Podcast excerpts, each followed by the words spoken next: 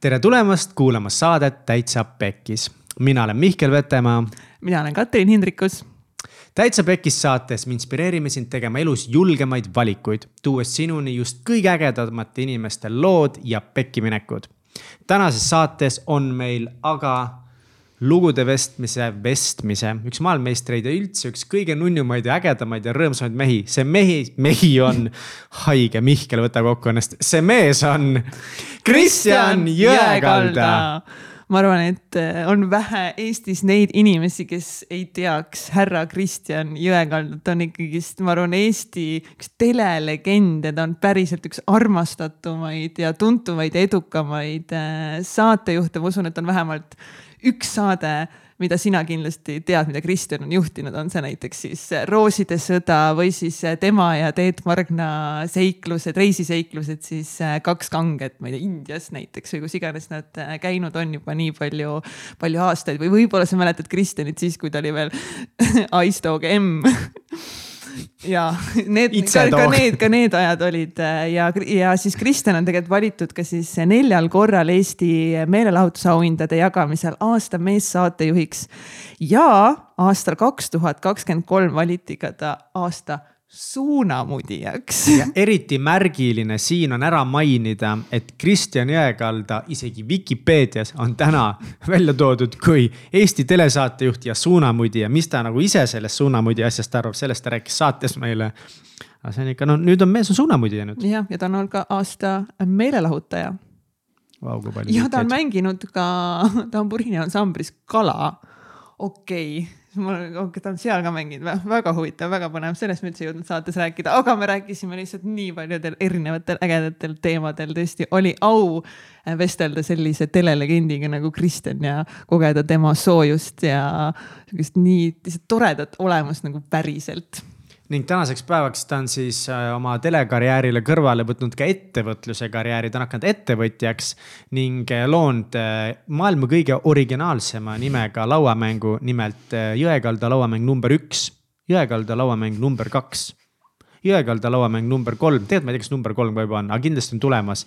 ning nüüd ta teeb ka varsti mingid pusled, et see on nii lahe ja see, millise innu äh, ja armastusega ta rääkis nendest lauamängudest ja pühendumusest, mis see sisse paneb, oli ka väga vinge, nii et tõesti ületas kõiki minu ootusi, super. Ja nii et kui see saade täna Kristjaniga sind mingil moel inspireerib, kõnetab või sul on lihtsalt nii tore meiega aega veeta ja sa tahaksid, et teised sinu sõbrad saaksid ka toredasti aega veeta, siis jaga seda saadet vähemalt ühe enda sõbraga. noh, saada link lihtsalt äh, tea Insta DM-i, Facebook Messengeri, Whatsappi, kuhu iganes sa leiad selle kanali ülesse või siis kõige lihtsam variant tegelikult jaga Instagrami story's ja kirjuta kasvõi välja nagu näiteks ka, mis sulle selle saate juures äh, meeldis ja miks ka sinu sõbrad võiksid seda saadet äh, kuulata. Äh, täiega aitab meid ja meid aitab ka see, kui sa nüüd subscribe'id Youtube'is meie kanalile, sa paned follow Spotify's või Apple podcast'is, kus iganes sa meie saadet kuulad Äh, need tunduvad nii väiksed asjad, aga tegelikult saate leviku jaoks on need äh, hästi märgilise tähtsusega, nii et do it, do it now. ja, ja lisaks äh, täiega kutsun sind tulema meie La Familia kogukonna liikmeks.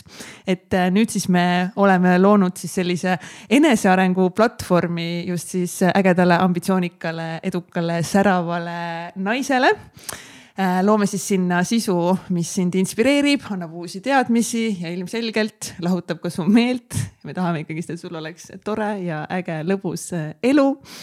nii et oled oodatud äh, ühinema. Siis Taitsa Pekkis, ei, ei, ei.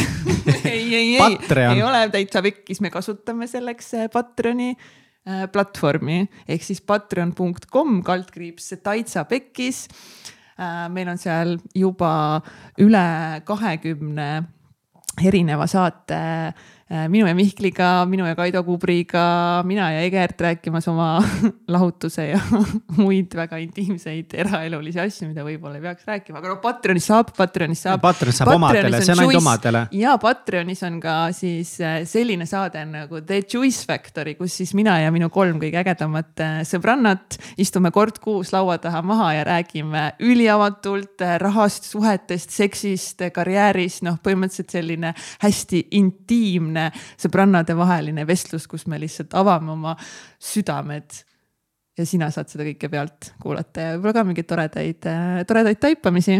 et täiega, täiega, täiega kutsun sind äh, sinna Patreoni, naistele suunatud enesearengu platvorm ja kui sa oled mees, siis üldse ei viska sind välja, vaid see pigem näitab, et sa oled julge ja tahad seda kõike pealt kuulata. nii et kohtume Patreonis ja head kuulamist.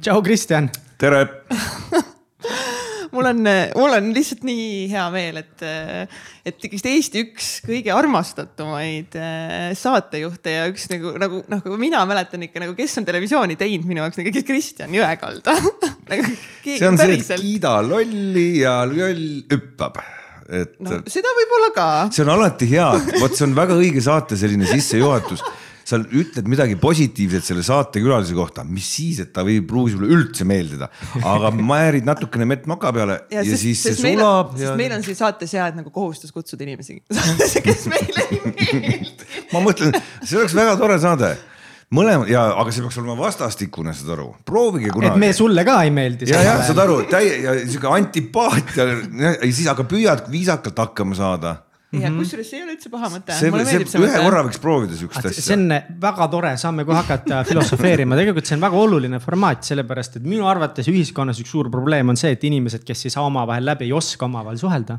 ja -hmm. seda oleks rohkem vaja, me peame harjutama. kuidas proovida aru saada inimesest, kes sulle üldse ei meeldi?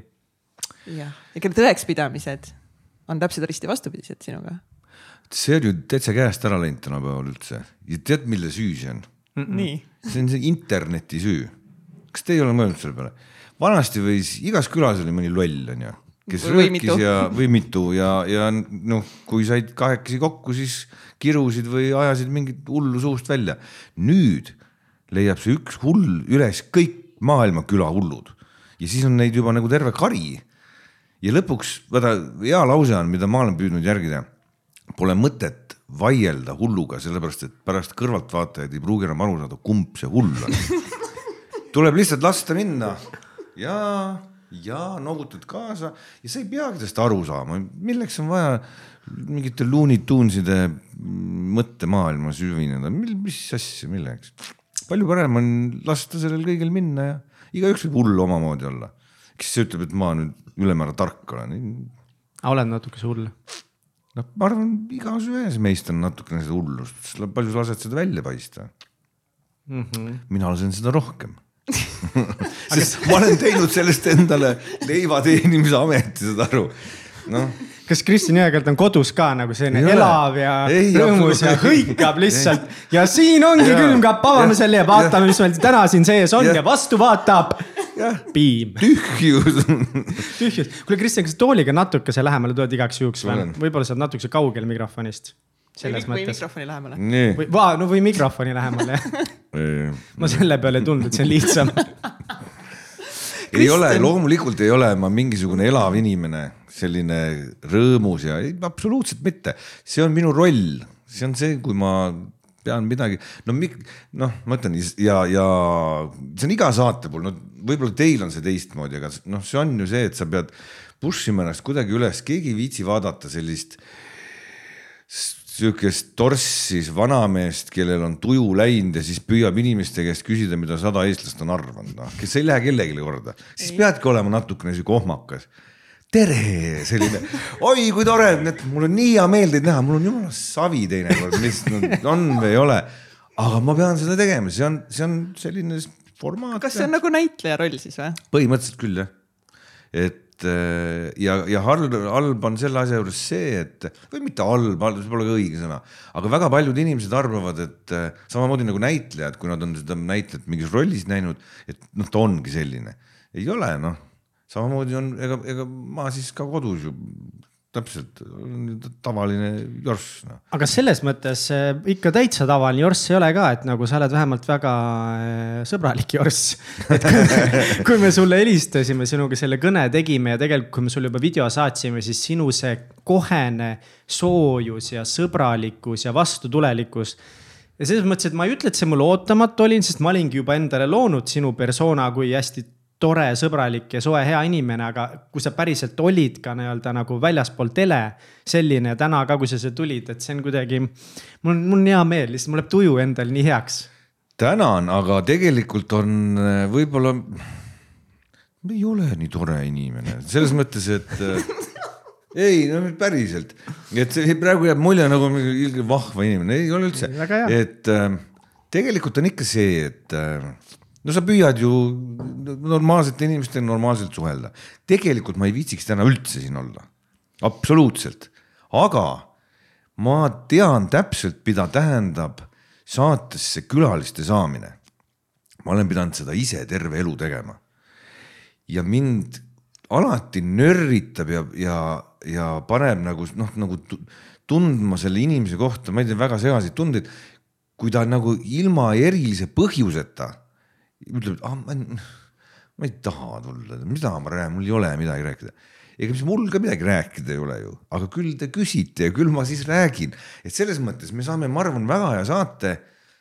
sõltumata sellest, et ma parema meelega magaks kodus praegu mis ei ole üldse teiega seotud või kuidagimoodi, aga aga jällegi ikkagi ma push in ju ka ennast nagu saad aru, et ma võin näida unine praegu, aga, aga noh, mõte ikka natuke liigub et ses suhtes eh, üldse mitte halva pärast mm, -hmm. vaid päriselt. Eh, kui noh, võib seda nii öelda, noored inimesed helistavad, kutsuvad oma saatesse, no mis mul siis on, et ma ei saa nüüd mindud või noh ja no,, see on, aga see on see valik. nii, shout out Teet Margna et me approach ime Teetuga mingi viis aastat tagasi nagu äkki nagu. Teet ei tule, ta ei, ta parema meelega jah Teet ei tule ja, aga mul on ikkagist üks sihuke helesinine unistus, nagu me Kristjaniga täna mm -hmm. oleme mhm. siin riietatud ennast helesiniselt, üks hetk ikkagist Teet tuleb ja ma saan ka Teeduga rääkida.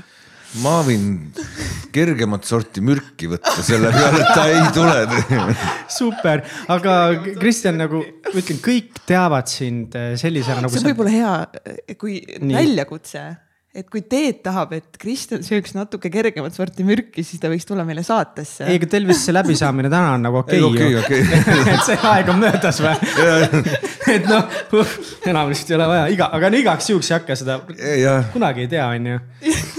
kuidas sa üldse nagu, me ei pea võib-olla liiga pikalt see olema, aga nüüd ma nii väga tahan küsida, et kuidas sa sattusid üldse telesse, miks sa teed seda, miks sa teed? Tegelikult on siin päris mitu põhjust, kõige üks suuremaid põhjuseid on see, et mul, mul sai ühel hetkel mõistus otsa, et mida ma siis oma eluga peale hakkan, ma läksin õhtukooli, mul mõlemad vanemad töötasid teles, ema oli režissöör, isa oli operaator. vabandust, ja siis ja ma viimases klassis ei saanud enam õppimisega hakkama, õigupoolest. nagu üheksandas klassis siis või, või? ei, noh, meil oli siis üksteist, noh, või noh, ütleme praegune kaheteistkümnes, viimane klass keskkoolis käisin ja, ja noh, saad aru, õpetajad ütlesid, et noh, eks ma olingi puu peal, noh, ma olin loll noh ja ma ei saanud no,, päris ausalt ja ei, ei, ma ei saanud aru keemiast, ma ei saanud aru füüsikast. aga kuidas sa siis üldse nii kaugele jõudsid? vedasin, vaata, me lõpuks jõuame kindlasti selleni ka täna oma jutuga, et ma olen terve elu kuidagi ennast läbi vedanud sellest elust. väga mugavalt ja tänu teiste inimeste abile ja kuidagi ma sudisin ennast läbi sealt. Ja õpetajale ka ju, kui, kui laps on loll, on ju, ja veel ebameeldiv, noh siis, siis ongi, siis polegi seal koolis midagi teha, ma olin loll, aga ma olin iga õpetajaga, ma püüdsin olla võimalikult meeldiv. ja, ja tead, ega sa ei pane siis ju kahte kohe niisama ka lao välja, mis siis, et ma ei saanud millestki aru, aga ikka küll lähed ja sinna, tere, kas kuidagi, no saan ma midagi teha järgi, aga jälle sa ei oska ju midagi.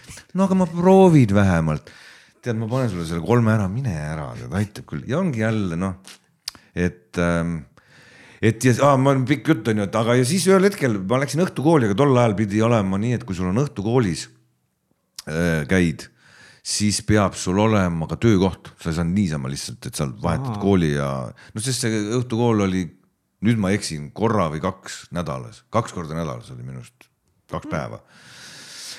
Ja siis äh, oh muideks viktoriini küsimus vahepeale, kas te teate, millist ainet õhtukoolis pole võrreldes tavakeskkooliga mm,? kehalist kasvatust. jep, vaata kui tubli. tubli. ma ei jõudnud isegi mõelda, mõtlema hakata veel väga tubli. sest et no kuule, seal on ju igasugused eri vanuses inimesed koos, et aga, aga no see selleks, ühesõnaga ja siis ah,, kuna ma olin, kuna mul ema oli seal teles režissöör kunstikirjandussaadete toimetuses, siis ta ütles, et hea küll, et äh, võttis mu sinna kohatäitjaks lihtsalt, seal läks üks tüdruk läks lapseootuspuhkusele ja siis mina sattusin siis tema assistendiks nii-öelda, aga mitte no, no ma olin nagu. nagu ema assistent. jah, ema assistent jah. ja, ja ta pani mind mitte nagu noh, et hoian oma poega, vaid ikkagi ta lükkas mind ikka pea ees sinna töösse sisse, mis oligi ainuõige, väga lahe oli. ja seal ma hakkasin kuidagi, mulle nagu see töövärk sobis ja, ja ma hakkasin elus esimest korda aru saama, kui lahe on see tunne, kui, kui sind, sinu, sind usaldatakse või sinu peale loodetakse ja sa täidad need ootused ja lootused ja selle mm. tööga oli see võimalik teha, need, need asjad, need ülesanded, mis ma tegin, need ei olnud mingisugused suured. aga mis sa tegid? no need noh, kõik selline asi, ütleme, et jõudsime kuskile võttekohta, siis režissööril oli vaja näiteks mine too mulle kuskilt kaks pappkasti, mul on, mul oleks vaja siia taha tead mingit või mine ole hea, tõsta need toolid siit eest ära, et, et siis me saame ilusa kaadri siia või, või, või või mine kutsu see esineja nüüd siia, et noh, saad aru, et mida režissöör tema on, teeb ka muid asju ja, ja tema peab seal oma, oma mõtteid mõtlema ja kõik selline mudri, mis vaja teha oli, mis ei ole nii-öelda nii siukse loomingulise värgiga eriti seotud, siis selline abikäsi ma olin, panin stopperid käima, mõõtsin aega, näitasin, kui on üks minut. no saad aru, siukseid asju. et, et aga, aga võin veel kord, et pidid mõtlen, et kui käisime kuskil teat-, noh, kuna seal teatrisaadete asi, siis ütleme, et jõudsid kuhugi teatrisse, siis pidi otsima üles valgustaja, sellepärast et meil oli vaja seinakontaktist voolu saada, aga seal ei olnud voolu. ja siis mulle lihtsalt öeldi, mine otsi valgustaja üles, noh. Mm, ahah. Täitsa uus võõras teater, pole aimu, kus midagi on, aga, aga lähed ja otsid, noh ja küsid ja, ja, ja sest ja, ja sa pead seda siva tegema, mitte et õhtuks leiad selle mehe üles kuskilt, et äh, ja, ja tead, see andis seda, see oli, see oli nagu selline hea tunne, kui sa tõesti ja sa leidsidki selle valgustaja üles ja tõid ta sinna ja see valgustaja pani sinna voolu sisse. siis sa said aru, et see nagu tegelikult noh, enda jaoks ma mõtlesin selle niimoodi välja, et see tiim nagu loodab selle peale ja ma saan oma ülesandega hakkama. see ei olnud enam see, et ma käin koolis ja ma ei vii-, noh, ma ei viitsi, ei oska ja ei saa hakkama selle kooliga. ja, ja mul on tegelikult kama kaks. et nüüd ma tegin esimest korda asju iseendale. ja sa võib-olla tundsid siis ka esimest korda nagu tõesti, et sa oled väärt midagi ja,. jah, täpselt nii, täpselt väga õige. ja, ja tead, kui hea magustunne see on, see on nagu mm -hmm. noh, ma ei mäleta, palju see palk oli, aga see polnud üldse oluline, see palk, olulisem oli see, et ma, ma kuulusin kuhugi sellisesse gruppi, kus mulle meeldis olla. see, see töö oli lahe, see kõik, no ma ütlen, et see oli, see oli väga äge, väga äge aeg ja siis äh, ma sain tegelikult olla seal siis ütleme, et ma sügisel läksin, järgmine kevad lõpetasin ära selle kooli. ja siis läksin edasi pedasse ehk et äh, siis oli mul juba plaan see, et vaat vanasti see kuskil Leningradis vist sai õppida seda telerežiid ja siukest asja Moskvas ja kuskil sellistes kohtades. aga noh, aasta oli siis kaheksakümmend üheksa on ju ja, ja siis ma läksin pedasse sellepärast, et väga paljud telerežissöörid, kes siis töötasid, olid tulnud ped pedast seal õpetati näitejuhtimist ja noh ehk et sa olidki, noh, pididki natukene juba teistmoodi mõtlema ja olema. kes siis ei tea, siis tänapäeva Tallinna Ülikool. no vot just jah, vabandust jah, Tallinna Ülikool ja, ja, ja seal Laial tänaval meid siis õpetati ja väga vahva kamp oli seal ja noh, see oli siis muidugi see, mis ma noh see oli minu, mis, mis mind jälle muutis, ma olin ennem kuulasin siukest heavy muusikat ja olin nagu selline äh, noh, lõngus või ma ei, ma ei, kuidas öeldakse siukeste inimeste kohta. milliste inimeste kohta no? sellised, keda, kes on ühiskonnale suht-koht kasutud, sest et eh, noh, ma kuulasin muusikat, proovisin tõlkida neid eh, laulusõnu seal ja siis ega muud mind ei huvitanud nagu mitte midagi, mind ei huvita mm, -hmm. mis maailmas toimub, ma ei vaadanud uudiseid, ma, ma minu arust kõige mõttetum asi oli üldse uudised, mis, mis uudised et miks sa pead vaatama, noh, ühesõnaga mingit jura, mis lääne kaldal toimub, noh, kama kaks. aga see kool ja, ja juba enne siis seal tööl olles, vaat see pani mind nagu teistmoodi mõtlema.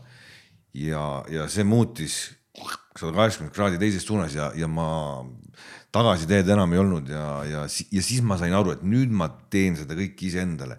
ma teen seda sellepärast, et ma tahan seda teha, et see huvitab mind. et, et ma nautisin nagu iga hetke ja, ja, ja, ja see on äge. Ja tead, see hakkab ära kaduma nüüd, kui ma olen viiskümmend pluss. Et nüüd on seda raske üles leida jälle kuskilt. vanasti oli see, et noh, nii, nii tore on vaadata. no kasvõi teid või, või, või mul nooremad kolleegid, tead telesse vaatad, kui millise entusiasmiga tehakse mingisuguseid asju mismoodi inimesed põlevad, säravad, tead, ja täpselt noh, nagu ma ise kunagi, et raha pole oluline, teeme, tead noh, tegime ka mingisuguseid saateid ja asju. Ära küsi, kas üldse kuskilt midagi raha keegi maksab, ei, ei, see pole oluline, teeme, me saame teha, me saame oma klipid kuskile tead tipp TV-sse panime üles. vägev, tead mõtlesid kogu aeg välja, tead. Elasid seal tööl põhimõtteliselt, see kõik oli nii lahe. nüüd noh, keegi küsib, et kuule, et eh, kas sa tahaks teha tead mul siukest saate idee või mingi asi. ja siis on see, et palju makstakse et hakkab ära kaduma see et ühesõnaga mingi kolmkümmend pluss aastat, isegi seal kolmkümmend viis aastat, isegi rohkem, kolmkümmend viis aastat selles valdkonnas sees on. jah, ja siis tahaks midagi muud ja ma olen selle muu leidnud endale, eks me sellest jõuame mm -hmm. rääkida, selle mm -hmm. mängu näol on ju. ja mind huvitab see praegu, see paneb mind põlema ja see te, kuidagi see teleasi on tehtud äkki juba või? jah, ja ärge saage valesti aru, et, et, et tegelikult mm -hmm. see ei tähenda seda, et ma laseks üle jala või midagi, ei, absoluutselt mitte et kui ma midagi teen, siis ma, siis ma panen sinna ennast nii palju sisse ja, ja ma püüan teha, ma tõesti püüan teha nii hästi, kui ma oskan. kui see kukub halb välja, siis järelikult ma ei oskagi paremini.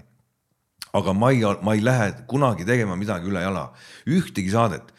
Ja, ja näiteks Rooside sõda, et võiks ju arvata, et no mis seal uut on, et noh, umbes aastast aastasse üks ja sama pered käivad vastavalt küsimusele aga need inimesed on kõik erinevad ju, kes sinna tulevad ja sa pead neid kuidagi proovima lahti muukida ja, ja nendega kuidagi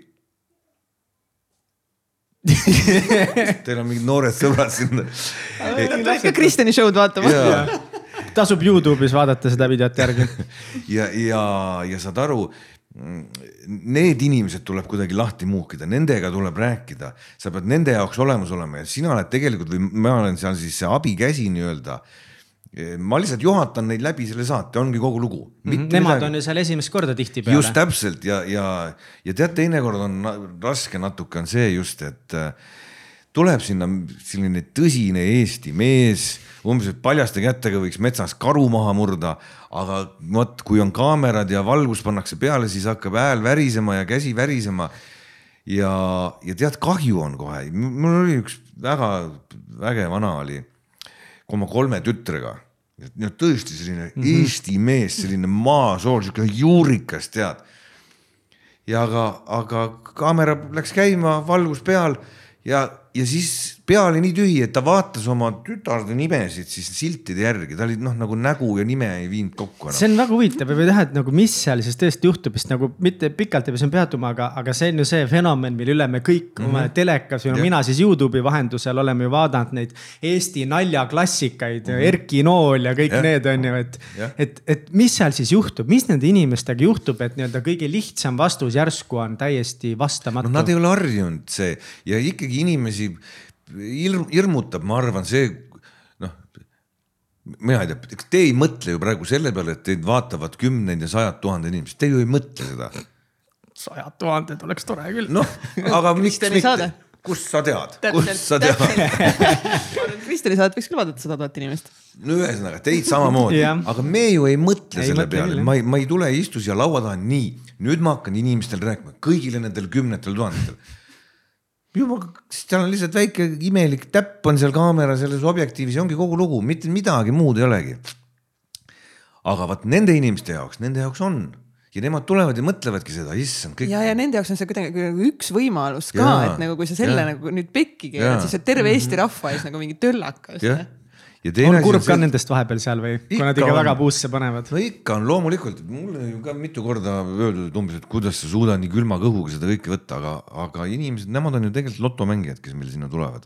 Nemad on mänginud bingolotot ja kuna need, nad on saanud seal oma selle bingoloto paberi peale on ilmunud see on tulnud TV-märk on trükitud ja nad on ennast ära registreerinud, ongi kogu lugu. Nad ei peagi midagi sihukest teadma või ja sellepärast on minu arust on see Rooside sõda suurepärane mäng just, just sellisele kambale inimestele. et eh, meil ei ole mingi viktoriin ju, vaid me arvame, mida teised on arvanud ja see ongi kõige lihtsam selle asja, asja juures, et püüa lihtsalt arvata, mida need eestlased on arvanud, noh, et ei ole mingit, oh, kas sa seda siis ei tea -hmm. no ei tea, noh miks ma pean, ma mängin lotot, ma ei peagi midagi siin rohkem teadma, noh, et äh, ja sellepärast ei saa ju nende peale kuri olla. ei, kuri või... ei tohikski olla, see on täiesti rumal mm -hmm. ja mhm. keegi kuri on, isegi seekord nagu ei tohi nagu halvasti suhtumisega naerda küll natukese võib. mõnikord on ikka väga naljakas. no naerda võib jah, aga ma ütlen, et kui see oleks kui see formaat oleks selline, kui me kunagi tegime, kui lotomängijad ei käinud veel, vaid me ise eh, valisime endale need peresid sinna saatesse. vaat siis sa saad tõmmata nii, et vähe pole, sest siis on need inimesed. noh, ma küll ma siin arvan ja tead, tulen ja hakkan näitama teile, mida ma siin, kuidas ma mängida oskan. ja siis, kui mööda paned, vaat siis saab tead vinguda ja vigiseda, et oo, see läks küll nüüd väga pihta, on ju tead, aga, aga, aga, aga nendele inimestele, kes praegu seal käivad, kes on need lotomängijad ma püüan lihtsalt kuidagi neid juhatada sellest mängust läbi võimalikult väheste kahjudega no.. aga mis, mis üldse on nagu suures pildis sinu arvates mingi täna ja siis ma ei tea, kakskümmend, kolmkümmend aastat televisiooni nagu vahe, kui jätta nagu tehniline pool välja, mhm. tehnika mm -hmm. on edasi arenenud. mis sa üldse näed nagu, kuidas see maailm on erinev või, ja, ja kui sul tuleb mingid crazy'd lood nagu oma noorusajast mm -hmm. televisioonist võid jagada? tead, siis oli ka äh, aeg, ma pean silmas just see sekundid, see on muutunud vanasti oli aega rohkem. ma pean nüüd natuke seletan, aega selles mõttes, et kui saade võis olla ka poole tunni pikkune, on ju, siis täna jõutakse selle poole tunniga eh, käsitleda, ma ei tea, kui palju erinevaid asju või, või, või rääkida mingitest noh, ühesõnaga sa suudad suruda sellesse poolde tundi täna kaks korda rohkem kui siis kakskümmend või kolmkümmend aastat tagasi siis võeti aeg, oli rahulik, keegi luges luuletust saates ja noh, tegidki siukse, näitlejatega tegid seal saadet, näitleja jalutas pargis, mõtiskles. vahepeal olid sellised plaanid, saad aru, ei rääkinudki midagi, inimene lihtsalt kõndis, ilus muusika oli taustaks. tänapäeval inimesed on muutunud nii kärsituks, keegi ei viitsi vaadata, kuidas mingisugune näitleja kuskil pargis jalutab, räägi mulle midagi, kõik, saad aru, ma ei jõua, ma ei jõua, mul, ma, ma hakkan juba kanalit vahetama. vaat see on see vahe, millest on tegelikult kahju mm. -hmm. et väga noh, see, see kõik, see tele on muutunud selliseks kiirtoiduks natukene et on, muidugi tehakse üksikuid portreesaateid ja asju, kus võtamegi aja maha. mulle väga meeldis see, mis me tegime, see kümme kaadrit oli eh, inimestest saade, kes tulid ja näitasid oma fotosid eh, ja rääkisid sinna juurde lugusid, on ju siis, et mis selle, mitte lihtsalt, et vot näed, et mina olen siin nüüd rongiga sõidan Peterburi, vaid mis selle taha ja mis aeg siis oli, kuidas kõik see käis ja vot ja, ja, ja see, see oli saade oli selline, mis mulle nagu endale väga meeldis, mis, mis, eh, kus võttis, see külaline võttis aega endale, et rääkida ja, ja olla ja, ja tead seda seda sihukest asja on minu jaoks, mulle endale meeldib väga, mul on, ma olen väga nauditav vaadata sellist asja. tänapäeval on jah, üks ajab, üks tempo ajab teist taga võimalikult ruttu, võimalikult palju. Kõik peab käima tsah, tsah, tsah, tsah, inimene tuleb ise kohale, paneb see radnarkond endale kaamera ise üles ja juba ta on siin ja juba ta on seal. operaatorit polegi enam vaja, tead, kõik käib sihuke möll. siis oli, siis oli rahulikumalt, me kõik tegime sama asja, aga, aga tempo oli teine. aga kvaliteet? kas sulle tundub ka, et televisioon on prügi või? ei, mitte sugugi. Ma just helistasin äh, eile või millal ma helistasin Reet Linnale, sest et see minu arust näiteks see saade, mis ta tegi Sepo Seemanist, väga äge, väga kihvt saade. ma noh, nagu ma olin nii õnnelik ja nii happy ma kuna ma olen ise selliseid kõnesid vahest saanud, et keegi kolleeg helistab, ütleb, noh, näed Jõegelda, lõpuks tegid ka ühe toreda saate siis on, siis on endal tead nii hea, kui sa helistad ka teistele inimestele, sest et ja paned tähele, et, et seda on märgatud. Ja mm., ja ma tõesti, mul, ma nautisin seda saadet, ta oli mitmeplaaniline, mitmekülgne, selline erinevaid tahke mm, väga äge oli ja, ja, ja tead, mis kõige parem selles, mida, mida siis Reet suutis teha, oli see, et ma tunnen Sepot peda, pedast sealt Tallinna Ülikoolist ajast alates. tean teda viimased kolmkümmend aastat täpselt. ja ma tean seda, et kui kaamera käima panna, siis see inimesed, keda on harjunud Sepot nägema, see ei ole tegelikult see Sepo üldse. Nüüd ei mm., nüüd ta suutis selle Sepo murda kuidagi nii ära, et see, ma vaatasin, mis asja, päriselt, Sepp Sise ongi ei, ei, ei olnud see roll või see, või mis ta tavaliselt teeb. vot see oli huvitav, see oli lahe ja, ja, ja Reet sai sellega hakkama ja tegi ära, siis see oli kihvt ma täiega, no mul praegu kanalahk mhm. peale, mul, mul tõesti meeldis, see oli nii lahe. see on see põhjus, miks me teeme seda, mis me teeme ja miks me teeme nii pikalt seda ka, sest nagu ma ka ei suuda nagu tarbida seda või noh, nagu nagu kvaliteetselt. sügavust jääb puudu, et sellest kiirest meediast tšau, tšau, tšau ei saa nagu kätte enam sisu, saab ainult kätte yeah. värve yeah. ja virvelust mis meie aju dopamiini muidugi toidab suurepäraselt. Mm -hmm. aga ma tahaks enne kui edasi liigume mm -hmm. rääkida natuke Kristjani lapsepõlvest mm -hmm. ka, et milline su, milline su lapsepõlv oli? jah yeah,, ma olin, ma tahaks ise arvata seda, ma küll väga täpselt ei tea, aga ma, ema on ikka öelnud ka jah, et ma olin selline kukupai või selline pailaps, tead, kui ema umbes õues oli, rohis peenart, siis ütles mulle seisa siin ja siis kui ta kogemata ära unustas, kaks tundi hiljem mööda kõndis, siis ma ikka seisin ja ootasin teda. et no midagi sinnakanti noh. nagu saksa lambaga jah, täpselt, et ma olin selline, ma ei olnud väga paharett või, või tead, ei loopinud aknaid sisse, ma ikkagi kuidagi nagu äh, olin sihuke. käisin vanematega tööl kaasas, nägin seal, kui kõik tol korral ju suitsetati veel tead, sees ruumides ja piipu seal mehed tõmbasid, mängisid malet, sihuke. kõik oli sinine üleni tead ja siis vaatasid neid suuri tähtsaid ninasid seal, kes seal olid. Et see oli selline põnev aeg, me elasime, kolisime kaheksakümmend, kolisime Lasnamäele. ma elasin kakskümmend kuus aastat eh, Lasnamäel, kakskümmend seitse praktiliselt ja aga enne seda eh, kuni siis eh, seitsekümmend üks kuni kaheksakümmend olin ma Tondil, siinsamas lähedal Västriku tänaval elasin. mis asja? jah, et käisin neljandas keskkoolis, ma ei tea, mis ta nüüd on siis, mis, no ühesõnaga ta on nüüd mingi muu kooli nimi. ma ei tea, siin lähedal on Kristiine gümnaasium. Tondi ma... mingi kool on ka siin ah,. no vot, no siis olin, see on seal, mis iganes siin teed, ma ei mäletagi neid teid enam. no vot, me ei ole, mina ei ole Tallinnast pärit, ma ei tea, ma olen Tartust no, pärit, nii et. no vot jah, et minu, ütleme siit linnulennult mingi paari kilo, kilomeetri kaugusel no isegi vähem võib-olla, siin oli see Pardi pood, Pardi tänav, Pardi pood oli ja, ja, ja, ja kõik see, see oli lahe kant ja, ja just äge oli see, et ma ei sattunud lapsena nagu kohe sinna Lasnamäele, noh, kui väikse põnnina, vaid ikkagi ma olin siis juba sihuke üheksane on ju noh, nagu läksin kolmandasse klassi, natuke juba. oota, kus kooli sa siis Lasnamäel läksid? kolmteist oli siis, ma ei tea, mis ta praegu, kuidas need uued nimed on kõik. siis ma, mina olen ka Lasnamäel üles kasvanud. teine mikrorajoon oli meil, ma elasin Pinna ja Kuramaa nurga peal pinna, okei okay,, okei okei okay,. ma olen isegi kuulnud selliseid väljendeid no. selle, seda ma ka ei olnud kuulnud, aga Pinna tänavat ma tean küll. no vot, et ja, ja, ja see lapsepõlveaeg, mis oli siis Tondil siin on ju, see oli äge, see oli selles mõttes, et tegid puu otsa onne ja, ja oma kamp oli tead siis keegi tädi kõndis mööda, siis mingi tere, ega te ei tea, palju kell on ise ilgelt naerad, siis tädi vaatab ringi, kes, no tead sellised laste siuksed. Need olid naljad siis. ja, ja, ja, ja noh aga, aga, aga, aga äge oli, sest et meil oli äge kamp ja need enam-vähem ühevanused lapsed ja, ja kuidagi sihuke mõnus oli, mul, mul on väga hea meel selle üle, et ma, et mul selline lapsepõlv oli ja siis muidugi siis tuli Lasnamägi, mis oli ka väga värviline. Nonii, mis, mis toimus Lasnamäel?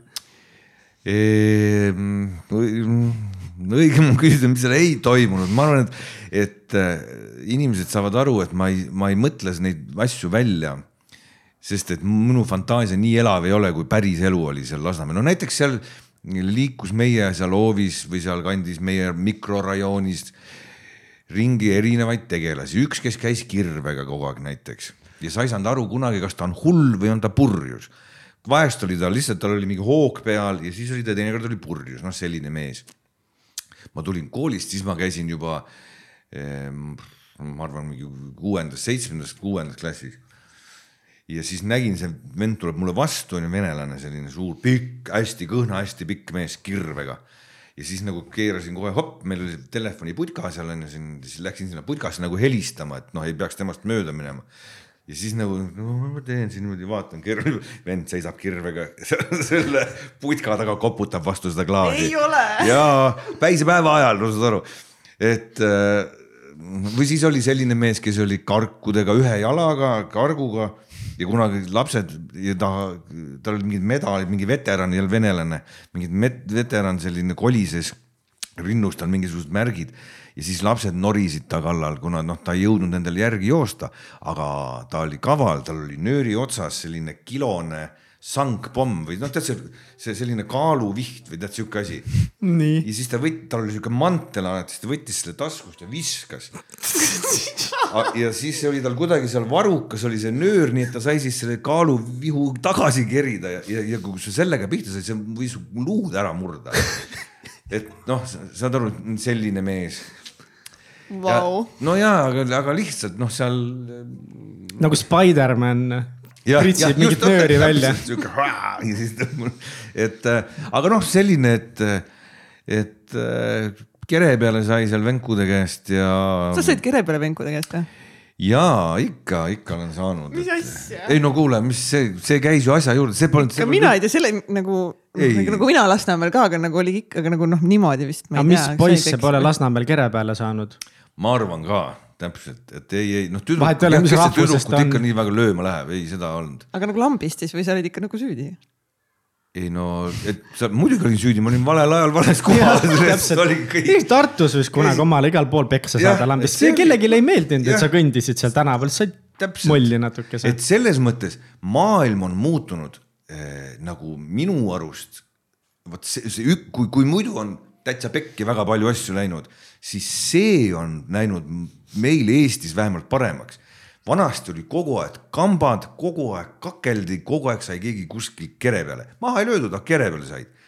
tänapäeval, võib-olla ma liigun valedes kohtades, aga, aga enam ei ole nagu sellist, et sa vanalinnas tead pimedas kangi all tuleb ainult sihuke õõguv koni ots vastu ja siis järgmisel hetkel on tead silm sinine. sihukest asja pole enam. ei noh, kuritegevus nagu keskeltläbi on ikka kõvasti langenud ja, ja see on, vot see on üks positiivne muudatus, mis on, et, et äh, vanasti lihtsalt kogu aeg. aga kas sa ise ei olnud siis, ise sihuke kaak, et? ei, ma ei olnud kaak, ma räägin, ma olin sihuke. nagu üldse terve, terve kuni siis ei, ma olen kogu aeg siuke. ja siiamaani on vaata siiamaani ma räägin ju selline. tore ju, armas. aga vahepeal, vahepeal Kristjan ütles, et ta kuulas ikkagi mingit siukest heavy muusikat ja no, nagu noh. kõik see, kuulasid seda. ja, ja, ja see oli selline aga koolis, kuidas sa olid, kas sa olid hea õpilane pigem koolis nagu selles mõttes, sa ütlesid, et sul nagu noh, et said enam-vähem hakkama, aga. ja et... no ma po tunnist poppi väga ei teinud, küll aga ma ei saanud kehalise kasvatuse, kasvatusega näiteks hakkama. ja see tähendas seda, et ma kulutasin noorukite polikliiniku uksed põhimõtteliselt ära erinevate haiguste simuleerimisega, et olin jälle kohalt tere, seekord valutab selga, üldse ei saa magada, tead, ei saa olla nojah, ja siis anti jälle nädalaks või kaheks anti kehalises ka. sa lihtsalt ei viitsinud siis teha või? oota, ütle korra veel. et sa ei viitsinud lihtsalt teha sporti ei, siis või? asi polnud selles, et ma ei viitsinud, vaid et äh, ma ei saanud hakkama, oota, vabandust jah, ma ei saanud hakkama. mis see tähendab? ma ei suutnud ronida köiest üles ma ei suutnud lõuga tõmmata üle, ma ei tea noh, ühe või kahe või kolme korra. aga enne rääkisid, et ehitasid onne ju siin tondil jah? ja, ja, aga kehaline kasvatus oli hoopis midagi muud. Köie. ma ei suutnud joosta, midagi, ühesõnaga ma olin täielik ärtu noh. ärtu või? sinu need vanad väljendid, see on nii tore nagu väga meeldiv on kuulata tegelikult eh, esiteks eesti keelt. sul on seda estonglish'i on suhteliselt vähe või ma ei ole veel märganud veel. ma ajan oma kallist abikaasat närvi sellega, et püüan meenutada neid vanu väljendeid, moenskrae, tead, sellised asjad. mis asi on moenskrae? ei noh, vanasti oligi, kui oligi kamp selliseid äh, kamp ühesuguseid kraesid oli koos, siis oli. ja noh, tervitus mm. oli see moenskrae, see oli nagu sihuke väga mm, sihuke moodne värk noh. aga kas sul lapsepõlves oli mingi unistus ka nagu saada kellekski? vaat tegelikult ei olnud et see see häda oligi, ma ei, veel kord, ma ei suutnud mõeldagi, et mida ma oma eluga üldse peale hakkan ja ega päris paljud minu sõbrad-tuttavad ümberringi ei saanud öö, oma elust sotti, sellepärast et see aeg oli tead sihuke. kas siis nagu üldse unistati nagu suurelt kuidagi või, või kui palju tol ajal, kui sa olid noor, oli nagu üldse võimalik, et teha suurt karjääri, praegu nagu kõik tahavad saada startup eriteks ja ettevõtjateks ja sisuloojateks, et nii palju võimalusi on. kindlasti oli mingeid võimalusi, aga kui, kui ikka, populaarne ikka. oli nagu unistada suurelt kuidagi? No ikka, eks ma arvan seda, et, et, et kindlasti paljudel oli need unistused olid tiba teised, noh. et meile kõigile taet- ta,, taoti ju tänu Vene multifilmidele pähe seda, et kõikide laste unistus on saada kosmonaudiks ja tead siukseid asju. Mm.. Need olid nagu riiklikud unistused, mis suruti peale lastele, aga aga väga ma, hästi elasid tol ajal taksojuhid ja šveitserid mis asi on Šveitser? no uksehoidja siis ütleme, noh restoranis uksehoidja, ütleme sellised mehed. et äh, need olid need, sest et äh, kohti restoranis polnud, sisse saada, siis pandi kolm rubla, lükati taskusse, siis leiti Võluväel laud. taksojuhid olid need, taksosid praktiliselt polnud saada kuskilt. Äh, taksojuhid olid väga hinnas. et, et sellised töötlev tööstus, ütleme siis oli nagu väga hinnas, et ähm, et selliseid unistusi ei olnud jah, selliseid noh, mida sa siis nii väga unistad, ainuke unistus võis olla see, et, et saaks ka Soome kunagi või saaks süüa mingit jenki nätsu või, sest et noh, Tallinnas me Soome ekraani nägime, onju. ja, ja sealt tulid siis võib-olla need unistused, et noh, oleks mul ka kunagi sihuke autorada või tead, mingi see, aga, aga noh, see, see, see ei olnud midagi sellist, et mida ma oma eluga tahaks peale hakata ja, ja võib-olla oli ka viga lihtsalt selles, et mina olin sihuke ohman. et äh, lähemale, nii. Aa, mikker, mikker on vaja ma ei tohi liiga kaugele minna. aga sa saad enda veel lähemale tõmmata. saad niimoodi jah, ja, ja. aga kui sa juba olid, eh, sa rääkisid, kuidas sa avastasid kogu selle telemaailma ja teatrimaailma ja kuidas sinna sisenesid, kuidas sa leidsid endale lõpuks väärtuse. kas sa sealt edasi teadsid, et see saab sinu elu olema või oli sul selliseid algusaegadel ka mingeid karjäärikõhklusi või et äkki hakata taksojuhiks hoopiski, sest need kurat teenivad raha ka? Tegelikult oli see, et äh, ma, äh, miks ma sinna Tallinna Ülikooli siis läksin, oligi see, et saada endale diplom, et tulla Eesti Televisiooni režissööriks, no kõigepealt assistendiks on ju ja siis pärast, kui oled õppinud äh, ametit natukene paar, kolm, neli, viis aastat, et siis äkki ka režissööriks, see oli minu plaan. aga see plaan läks lörri sellepärast, et ma küll hakkasin tegema saateid siin ma kõigepealt läksin ju Tipp TV-sse ja, ja RTV-s olime ja tegime seal saateid. aga, aga siis seal noh, nii-öelda sain käe valgeks ka, sest me pidime kõike tegema põhimõtteliselt, ise olema ekraanil, ise tegema, kokku lõikama koos monteerijaga. et äh, aga, aga siis ma ütlen, et ma nägin ju Margnat seal pedas, Margn õppis ka. ja siis ta ühel hetkel hakkas tegema mingit saadet kus oli vaja siis abikäsi ja siis ta helistas mulle ja sinna mu see nii-öelda režissööri amet läkski. Yeah.. sest mul ei olnud seda plaani, ma ei, ei tundnud seda küll, et ma peaks kuidagi mingil moel hakkama ekraani ees olema. ma mõtlesin, et minu koht on ekraani taga, onju ja ma ei, ma, ma tõesti, mul, mul ei olnud nagu seda mingisugust ambitsiooni, et ma nüüd olin nõrga närviga ka veel ja tead, käsi värises ja tere õhtut, ma olin muideks kahe, kaheksakümmend üheksa aastal, ma olin Eesti Televisioonis ka diktor.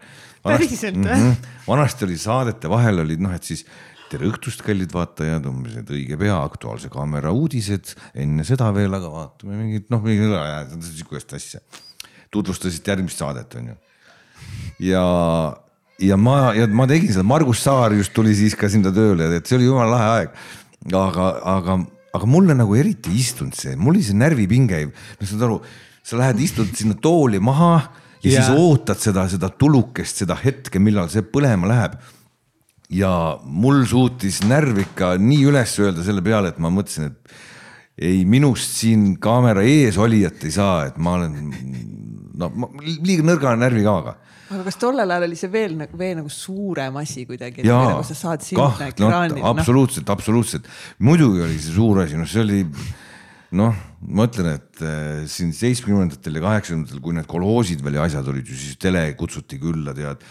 mingi lõikuspidud ja traktoristid, värgid olid koos, viina, veini, voolaku jõena, tead, kõik oli ja siis need teleomad, need olid ikkagi sellised, vaadati, näed, ta on televisioonist.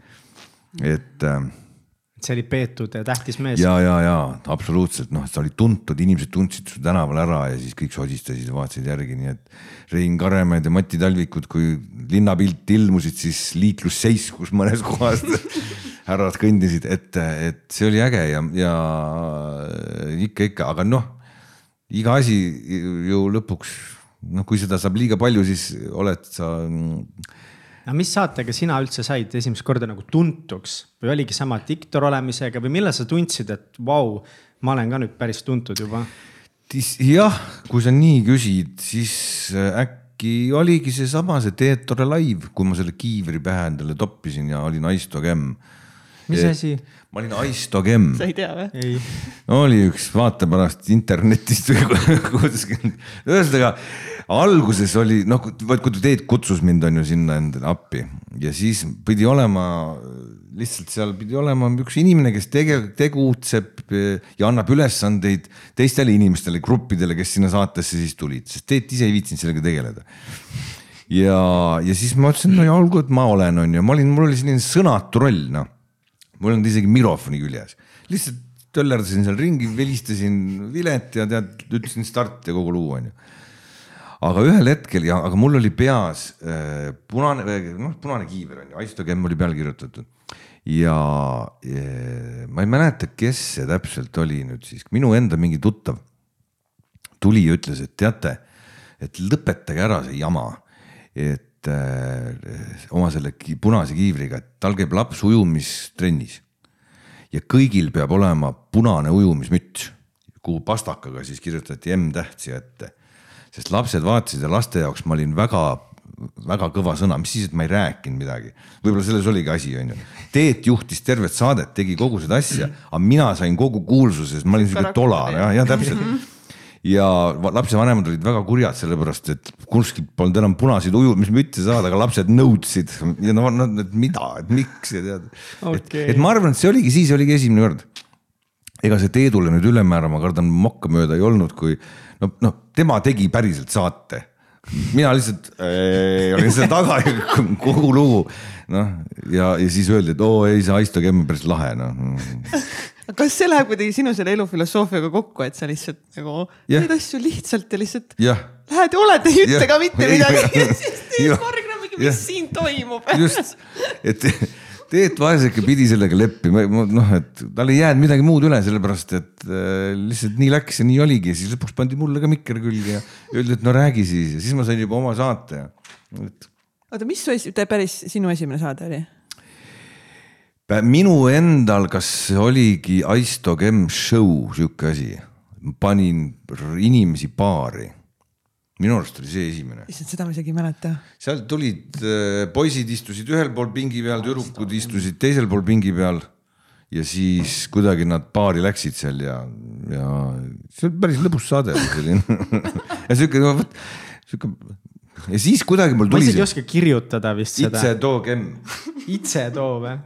Itse toog. jääkoer, noh. aa, Ice Dog. jah peaks olema midagi ikka selle kohta, ma arvan mm. -hmm. ja okay. tead, kui lõbus on see, et vahest tuleb mõni inimene tänaval vastu ja see, oh, ice dog et siis tuleb välja, et tema on ka selline ma isegi ei leia kuhugi seda, mida. viie-kuuekümnene, kellel on veel siuksed asjad meeles, siis on, ma alati urjutan. ei no minu vanemad kindlasti ja vanaisa vanem ja kõik need mäletavad seda kõike. Aa, Ice Dog Itse, no kuradi Itse Dogist sa räägid noh Aistoge Teet Margna, nii noor ja te olete nii noored ja milline Teet Margna ja, ja üldse teie nagu suhe oli sellel ajal? see oli päris selline, ütleme tuline. et siis vot siis olimegi ju sellised noored ja täis tahtmist teha midagi ja, ja siis toimusid tulised vaidlused iga pisemagi detaili üle, mis seal saates võiks olla. Päris tead, sihuke umbes karvad lendasid teinekord ja, ja oli suuremaid ja väiksemaid solvumisi ja kraaklemisi ja aga see oli kõik ainult selle nimel, et noh, me tahame kõige paremat teha, kõige ägedamat saadet ja nii edasi, nii edasi. et nüüd on see kõik õnneks ammu juba kadunud ja me teame täpselt, mis, mida teine mõtleb ja mida teine arvab ja pole mõtet riidu. kas teil oli siis tollel ajal nagu mõlemal ikkagist see, need suured eesmärgid ongi teha, teha suurt televisiooni, teha nagu noh. Teedul on alati olnud see natukene suurem, sest tema ongi, vaata, tema on see produtsent nagu on ju, tema ajab seda asja, mina võin olla sihuke nii-öelda tegevprodutsent või kaasprodutsent ehk et ajan noh, nagu põhimõtteliselt nagu seal ETV-s ma olin assistent on ju, kui on vaja valgustaja juures otsida või elektrik, siis ma teen seda, on ju. et mina nagu seda vastutust kuidagi ei taha võtta ja ei ole ka kunagi võtnud Teet on olnud eh, ees, läheb üksi rind kummis ja ma siis tulen vaikselt järgi, vaatan, mis saama hakkab. aga mis teid koos hoidis siis? ma arvan, see oligi see peda, pedakool, me saime seal tuttavaks ja seal me kuidagi klappisime ja ja, ja siis ei olnud meil kummalgi, noh, Teet tahtis teha hirmsasti telet ja tema tahtis ekraanil olla. mina tahtsin ju siis saada ju ikkagi režissööriks et, et seda, et me kunagi koos midagi hakkaks tegema eh, ekraani ees, selle peale ma absoluutselt ei mõelnud. et see oli täiesti noh, nagu vot sa küsisid ennem unistust, mul ei olnud mitte mingit sihukest unistust ka, et oo küll oleks tore, kui ma pääseks ekraanile veiderdama, ei. aga kuidagi tuli ja kukkus niimoodi välja ja, ja, ja sellele kasuks rääkis see, et ma olen väga edev inimene. et kui vot seda edevust sees ei oleks, siis ei saa. inimeses peab see sees olema, sest mis see ajab muud, muidu võiks ju raadios töötada, noh. aga ei, on vaja. tere, mina teen nii. aga kus see edevus sul hakkas nagu siis välja tulema, sest? ju ma olen siis kogu aeg olnud kuidagi ma arvan, ja kuidagi jah, ja siis lõpuks see hakkas niimoodi kõditama just see, et seda Aisto-Kemmi tunti ära juba ja tead ja siis said aru, mine metsa, inimesed räägivad eilsest saatest, mida tegime, siis tunned, oo äge. ma panen ka sulle siis juba. et pane mulle jah väike sirts, et, ähm, et, et ja see, see hakkas aitäh, see hakkas siis kuidagi kõditama ja, ja see edevus muudkui kasvas ja kasvas ja kasvas ja et noh, miks, miks muidu peaks sihukest asja tegema, et ega ei pea ju aga miks äh, nagu võib-olla teil see kõik siis lõpuks hästi välja tuli või et nagu kogu selle aja peale, kui me võtame need kolmkümmend aastat on televisiooni tehtud mm -hmm. ja mhm. kui sa täna loed nagu ette, et kes on need kõvad teletegelased, keda me kõik teame, armastame, siis neid ei ole nagu väga palju enam alles, kes siiamaani võib-olla esiteks tegevad sellest ajast ja kes on nagu nii tuntud kõigile, neid noh, neid hitte on olnud ju läbi aegade ja mm. ja nii, aga mis, mis, mis nagu teie see edu võti oli või kuidas teil läks see nii? mina arvan seda, et eh, kõik selle taga on Teet, tema on töönarkomaan, ta muud ei teekski, kui teeks tööd, koosolekuid. ja, ja, ja tema see eduvajadus, vot tal on ka see, et ta, ta peab tegema ainult best of the best of the best asju, tead saated peavad olema kõige paremad ja, ja kõik, no ühesõnaga temal on see väga oluline, minu jaoks ei ole see nii oluline. mul on tegelikult natukene kama kaks vahest. on siis on ja muidugi ma tahan teha hästi, ma ei taha, veel kord, ma ei taha üle jala teha. aga see ei pea olema elu suur mingisugune viimase juuksekarvani timmitud selline saade, noh võtame rahulikult, mis, ärme aja pilli lõhki, no miks me peame nii keeruliselt tegema? ei, peame, peab, me ei, ei tee ühtegi järeleandmist, saad aru. et no mina oleks ammu mõnele asjale, mõnele projektile või, või saatele käega löönud, aga teed, näed, ei teeme, peame tegema, see on hea asi. me peame, ma usun sellesse, me teeme. et, et ta on nagu hullu sellise töövõimega inimene, kelle, kelle jaoks töö tegemine on e-, elamise vorm, noh minu jaoks on elamise vorm puhkus. ma ei teeks midagi, kui ei peaks tegema. ma, ma ei liigutaks ausalt öeldes lillegi, aga kuskilt pead ju oma raha teenima ja kuskil peab ju see asi olema et ühesõnaga sinu puhul nagu sa pead leidma selle tasakaalu edevuse, puhkamise ja, ja raha vahel. tõsi on, et see edevus, e, eks ta on nüüd kordades vähem, kui nüüd siin kunagi oli, aga kui ei ole ikka, ütleme kuskil nii väga on mingit uut asja teinud või mingit saadet sellist eh, ütleme, siis hakkab ju tundma, et noh, tükk aega pole teinud, et ikkagi võiks, võiks ju midagi teha, tead. et, et ühel hetkel hakkab see uuesti välja kerima, aga see ei ole selline igapäevane või iganädalane, et oh, mind kutsub taas tagasi ekraanile, seda ei ole. Aga mis tunne siis ikkagist oli see esimest korda, kui see kõige suurem kuulsus nagu tuli ja, ja kõik sind ära tundsid ja kas te, kas hakkasid ka nagu mingi pidu panema, naised, värki-särki? oleks see nii. Ma jõuan tagasi, ma olen sihuke memmekas, no ma ei, mis pidupidaja mina olen no.. naised. Ei no ei noh, mul on olnud elus kokku vist heal juhul kaks-kolm pruuti kõik noh, et ja nüüd on abikaasa kakskümmend viis aastat, et ma olen väga selline kodukeskne ja ma pigem, ma ei ole see, kes, et no nii, lähme õhtul välja, lähme jämmima kuhugi ei pidu ikka meeldis panna sulle. pidu ju. ikka meeldis panna, aga pigem siis kodus tead noh et.... et kutsud sõbrad külla enda juures. sest ja. kuskil mingis podcast'is ütlesid, et sa ikka lootsid, et sa pidutsesid kuni seitsmekümne viiendani välja. ja seda ma arvasin vanasti, sest et ega, aga, aga me ei, vaata me ei käinud jah väljas, me ei olnud nagu baarides ei jõlkunud, seda noh, me küll käisime jah, vahest olime mingis baaris, aga see ei olnud nagu selline, et et õue ja välja ja kellelegi külla, pigem see, et tulge meile, istume meil köögis, vaatame, mis meil saab. et äh, selles mõttes oleme jälle sihuke äpu, aga, aga. või no pigem mõistlik, ei saa molli tänaval, no vanasti no jah, nagu ma aru saan, oli see väga oli, võimalik, on ju. aga kas see kuulsus kuidagi ülbeks ei ole teinud või kuidagi, et Te,? vot seda peaks ütlema kõrvaltseisjad inimesed, aga üks asi oli küll, mis Sepo mul rääkis ta pani seda tähele ja siis ta ükskord ütles, et vaata, et kas ise oled tähele pannud endaga, mismoodi su muu käitumine oli muutunud. ja see oli nii, et kui see kuulsus tuli, on ju, siis ma käisin noh, et nii, et noh, käisid tänaval ringi või kuskil üritusel alati selle mõttega, et kas te ikkagi nägite, et ma siin olen mm -hmm.. noh, alguses tead selline, et noh, märkasite, et ma ikkagi olen siin, et noh. et ikka tähtis jah? jaa mm. -hmm ja siis läks mööda mingisugune kaks-kolm aastat ja siis käisid kapuutsiga, et jumala eest keegi paneks tähele, et ma ka siin olen.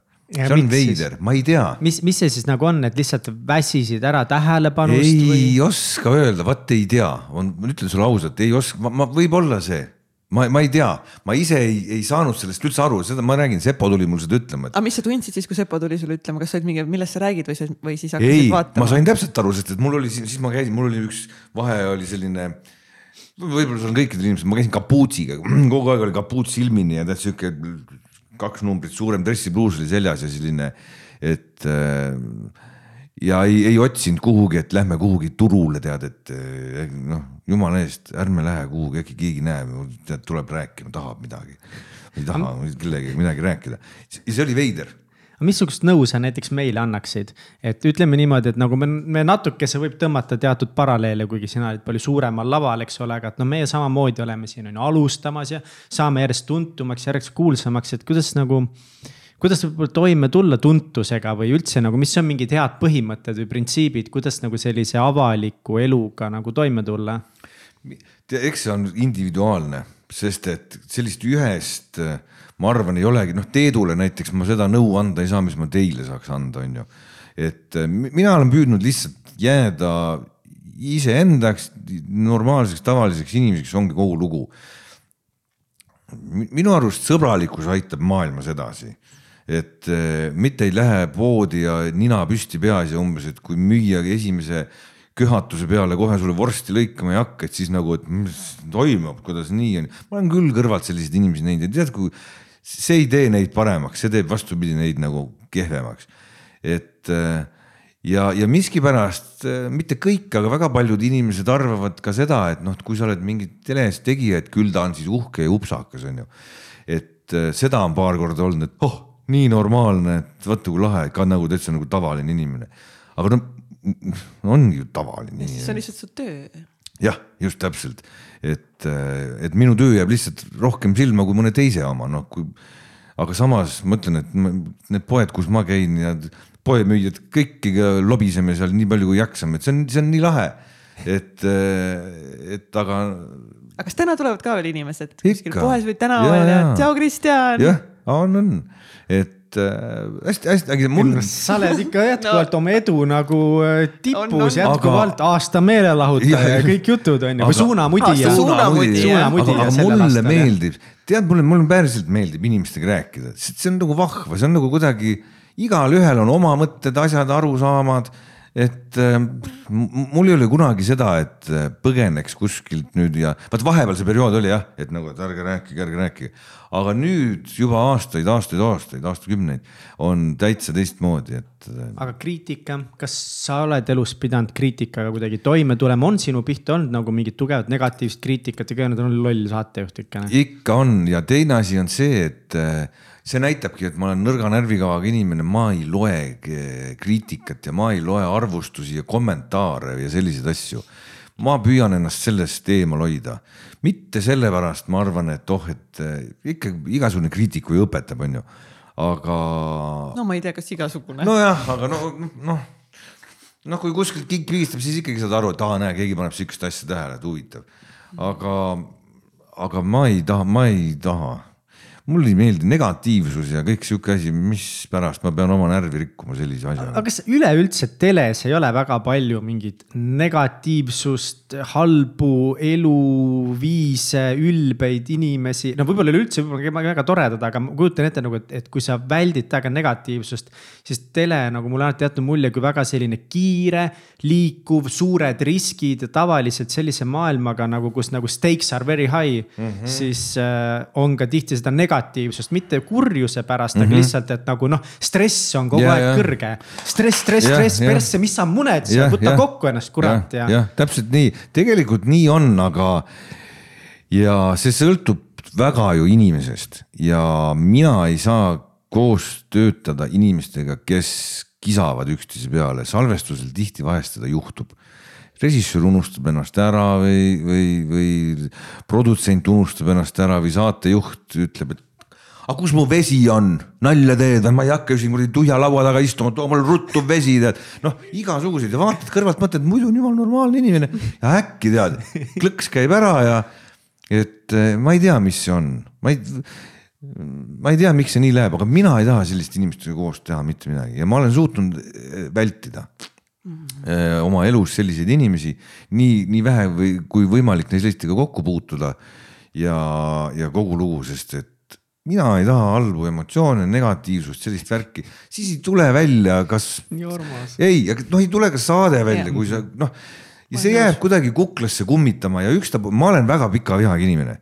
selles mõttes, et jaa, kui ükskord elus käru keerad, siis surmani. Mitte, et ma käiks ja tead, loobiks talle konnasid kuhugi hoovi või sokutaks postkasti, vaid et äh.... kui, kui pikk sul see list on siis? No ei ole, väga pikk ei ole. Aga väga selge. Aga väga selge, et selles mõttes ja, ja see jääb nagu, see, see jääb äh, painama ja see segab mind rohkem kui seda inimest, sest see inimene ei pruugi teadagi, et ta on mulle mingisuguse jama kokku keeranud et, et mina olen tema peale kuidagi solvunud, et näed, nüüd ta põrsas tegi sellise asja. et äh, see inimene elab edasi, temal on kama kaks, aga ma ise võtan selle endale ju, selle, et ai, ai, et noh ja järelikult ma teen ise sellega endale paha ja seda ma ei taha ja sellepärast ma püüangi selliseid situatsioone vältida äh, mitte selliste inimestega mm -hmm. kokku puutuda, ma juba tean, et sealt ei tule head nahka, ma parem ei tee seda ja, ja ongi kõik. kas, äh, kui sa vaatad tagasi kogu sellele telekarjäärile, millised on olnud võib-olla niisugused sinu jaoks kõige keerulisemad või raskemad perioodid? Thank you. Tahtsin sõna-sõnalt sama asja küsida. No.. me oleme nii süngis vahepeal lihtsalt. Te olete väga tublid, see on õudselt oluline, see on väga päriselt ka, vaata meil Teeduga sa küsisid, vabandust, ma kohe vastan, et, et sa küsisid, et kuidas me Teeduga oleme niimoodi saanud ja niimoodi olnud see on ka see, et me suudame teineteist täiendada, et ei ole nii, et on kaks ühesugust inimest. Pole mõtet panna, kui te oleksite ühesugused inimesed, siis see ei vii mitte kuhugile, see, see, muutub igavaks ja kuivaks.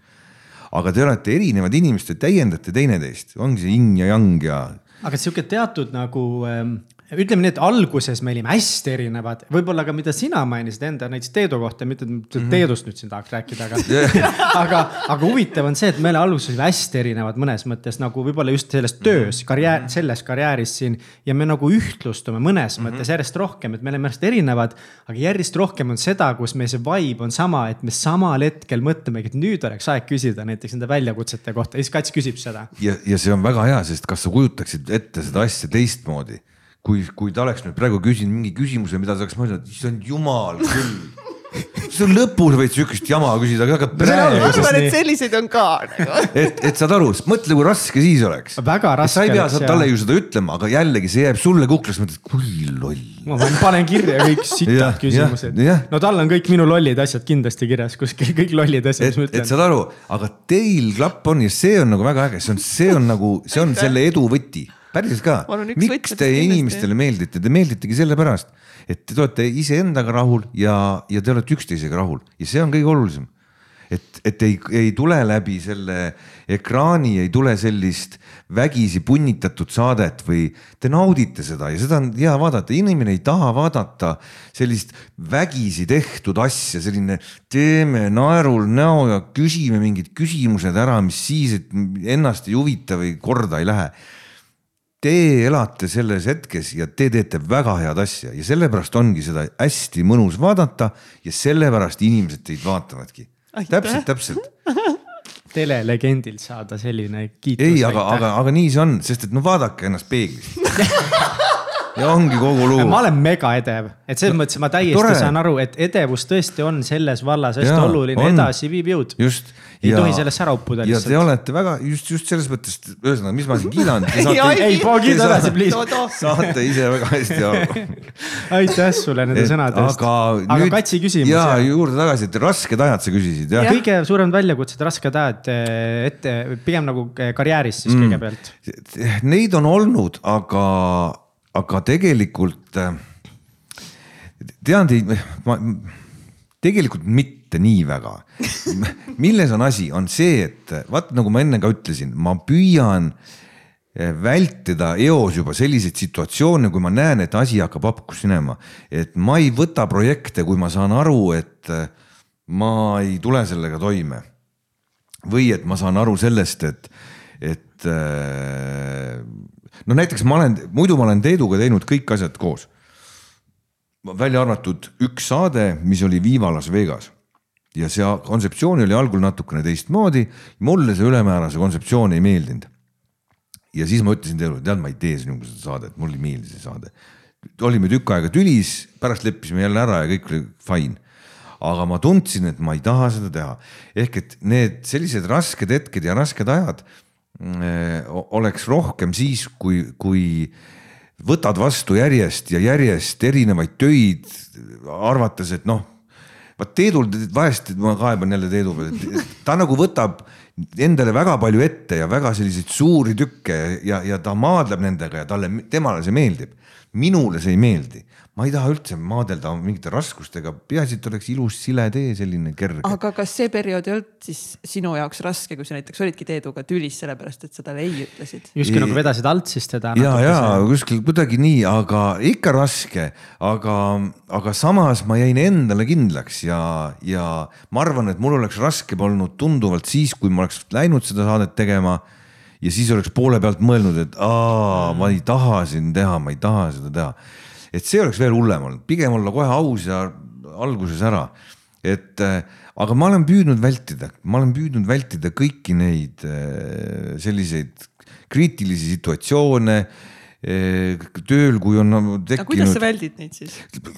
kõndin minema lihtsalt, vahetan töökohta või vahetan. nagu taaskord sa töötad üldiselt ikkagi väga stressirohkes eh, valdkonnas. jah, aga ma, aga ma olen terve elu kuidagi niimoodi läbi ujunud, et ma ei ole pidanud midagi.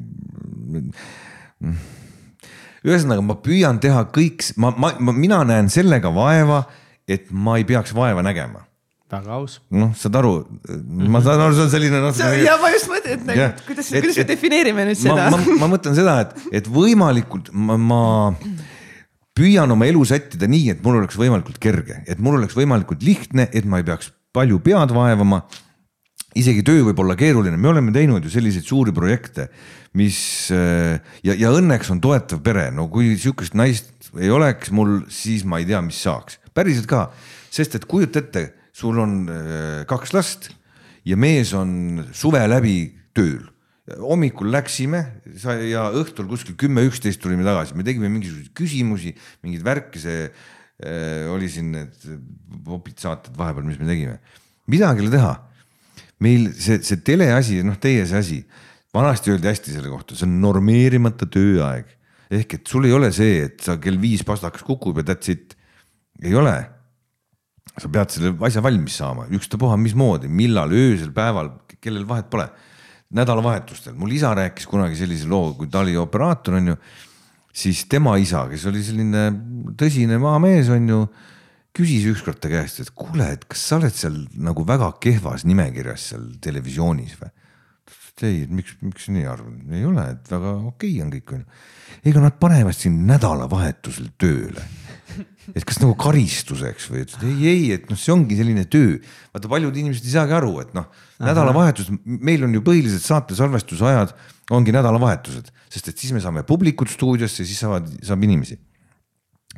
et äh, midagi ei ole teha, see on selline, kus, kus sa, sa ei saa telet teha niimoodi poolenisti, et natuke teen ja siis natuke ei tee. kui sa teed seda täiega, on ju, ja see, ja see võib, võib tunduda keeruline, aga ma olen püüdnud kõike seda teha nii, et ma teen endal enne juba selle plaanid panen niimoodi paika, et kuidas saada võimalikult kergelt kogu selle asjaga ma ühele poole, et. aga, kuidas siis, kas saad seda natuke laiem täpsustada või, et kuidas see käib siis, nagu, kuidas saab asju nagu teha kergemalt? ja see, see tähendab seda, et sa püüad püüad juba eos teiste inimeste ootused äh, juba rahuldada nagu, sa, sa, sa ju kujutad juba ette, kui, kui me hakkame tegema mingit uut saadet, mida selleks vaja läheb ja et ei peaks äh, hakkama käima koosolekutel tüütutel ja keegi peaks sulle hakkama seletama, et nüüd meil on vaja seda, meil on vaja seda kunstnikuga kokku saada, lepime grimeerijaga, saame kokku.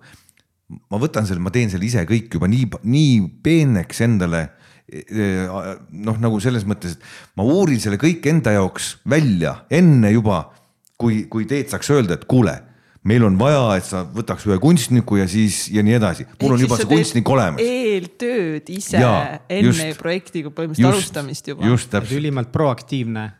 jah, aga siis on pärast palju lihtsam.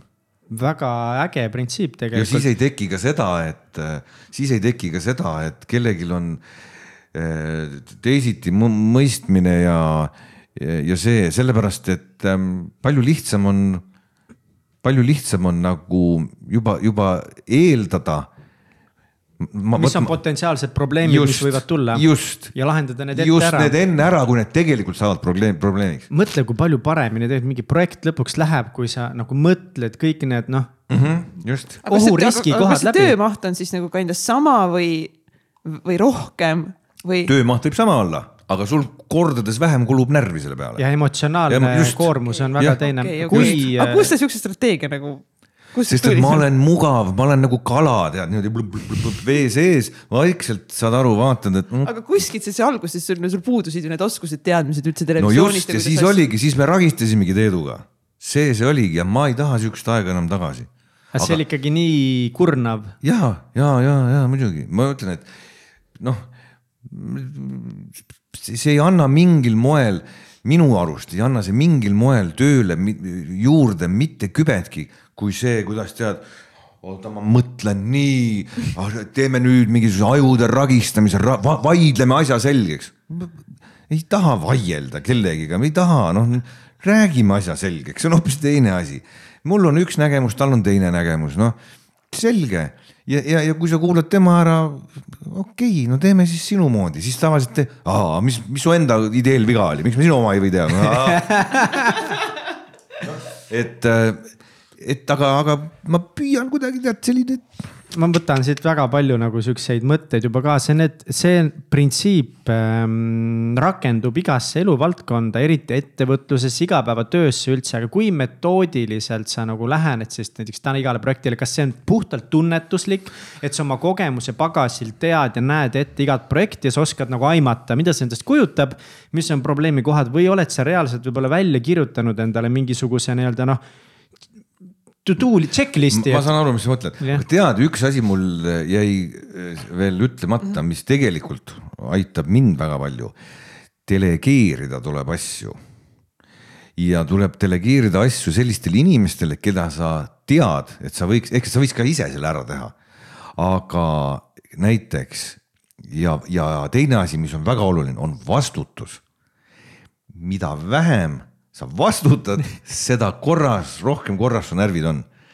Teedule meeldib vastutada, ta, ta naudib seda, noh, vastutus on tema õlul, ta läheb hulluks, aga ta läheb hea, heas mõttes hulluks, sest talle meeldib see, see möllamine, see, see tuuleveskitega võitlemine, saad aru. mina olen just see, tead see, seal taga vaatan, milleks võidelda, tead.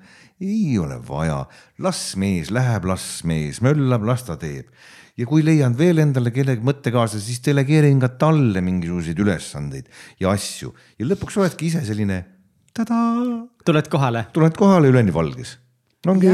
aga siis ongi see üks eduvõti ka siin see, et, et ongi need inimesed ja see tiim, kes sul ikkagist on, kellega sa asju koos teed, sest kui sul ei oleks teetu, kes on let's go just, lihtsalt tuu-tuu, noh. siis, siis keegi peab selle ära tegema. ja, ja ma ei tea, kes see oleks olnud, kui ei oleks teetu.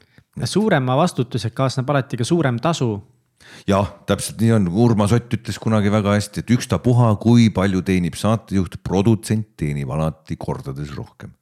nii ongi, aga meil ei ole Teeduga kunagi raha pärast tüli olnud, mitte me oleme igastunud muude asjade pärast.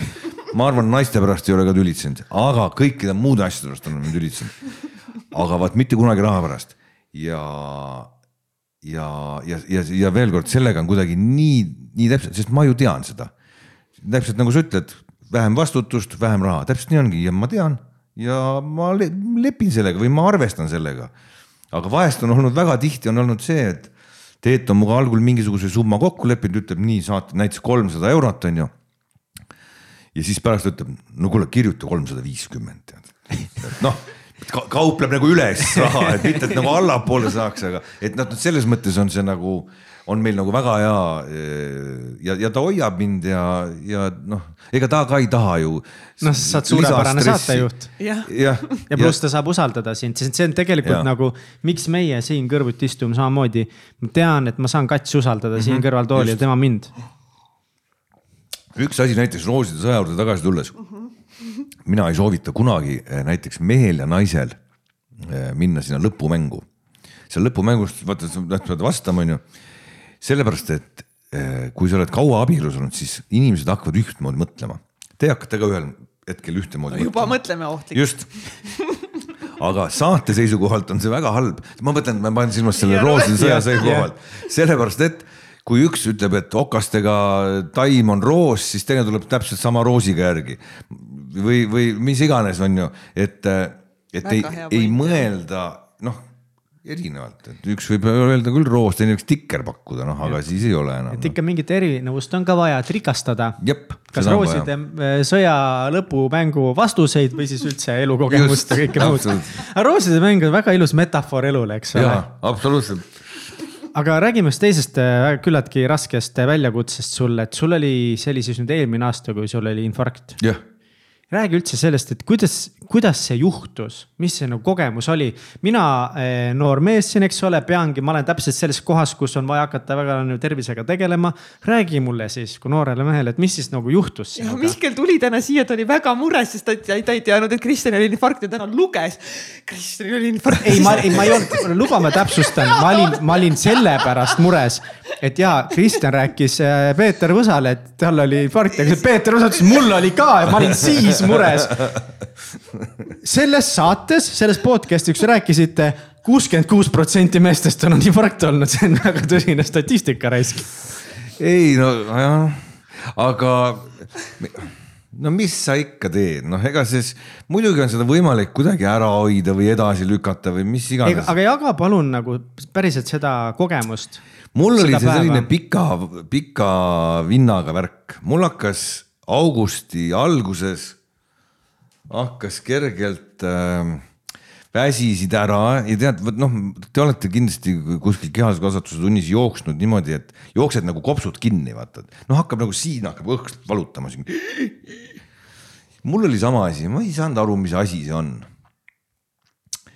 ja, ja, ja see ei olnud kogu aeg, vaid et kui tegid mingit tööd, siis nagu lihtsalt üh, väsisid siva ära ja, ja kuidagi sihuke ma mõtlesin, käisin arsti juures ja et, et aidata, et noh, et arst äkki oskab midagi pakkuda, mis see võiks olla ja, ja, ja küll mul tehti ühed testid ära, prooviti, et ma ei tea, alates kilpnäärmest lõpetades, ma ei tea, millega onju. igasuguseid teste tegin ja andsin verd ja kõik oli korras nagu ja midagi nagu ei olnud valesti. ja siis läks see, need, kui muidu oli ennem, ütleme, see tsükkel oli päevas, võib-olla mõni päev oli, mõni päev ei olnudki ja kestis kuskil kaks minutit või minut, on ju, siis need hakkasid pikenema. ja, ja lõpuks e, siis, siis e, võtsin ju appi doktor Google'i ja hakkasin ise omaenese tarkusest uurima, mis mul siis viga võib olla. ja siis sain aru, et mul on ärevushäire, täpselt samad sümptomid, täpi pealt.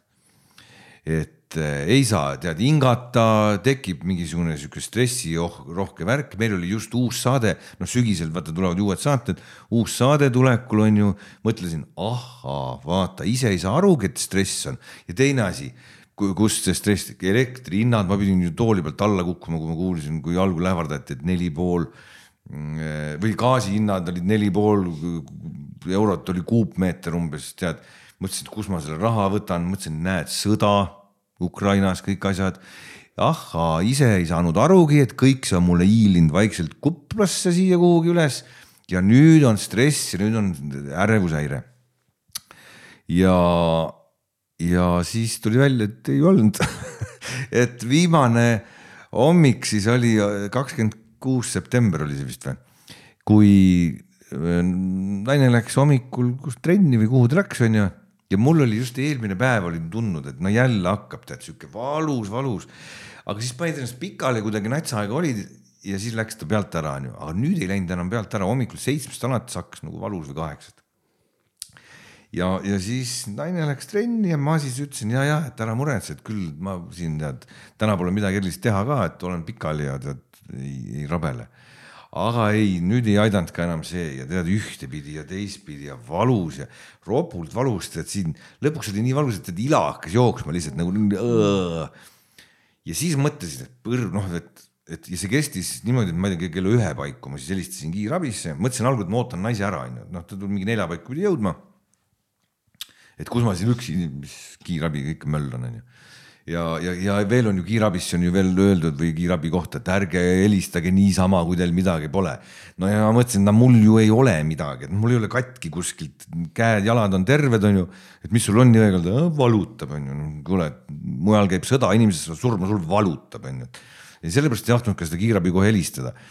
aga lõpuks läks valu nii hulluks, mõtlesin põrgu, ei saa, et helistan, et äkki tulevad ja teevad lihtsalt mingi süsti, tead et ma ei saanud ise enam autoga ka sõita, muidu oleks võinud ju Mustamäele sõita ise sinna kiirabisse. aga ei, ei jaksanud enam. ja siis tuli kiirabi kohale, väga sivad olid nad, sipsti olid platsis, panid mulle mingid klemmid külge, onju. ja ma, et noh, et südamet kontrollida, ma ütlesin, ei mul südamega on kõik korras, et sellega pole häda midagi, et aga lihtsalt noh, nagu poobe tead selline, et see on see ärevushäire, et äkki saaks süsti onju ja siis see arst vaatas, ütles, mis süstijõega on ta, et sul oli infarkt on ju, mis ma. ja siis ta, kes seal selle, selle, kus selle kardiogrammi pealt on kohe näha, eh, et eh, ta hakkab tege-, ehk et inimesed, kellel on olnud infarkt, võib-olla ma panen nüüd puusse.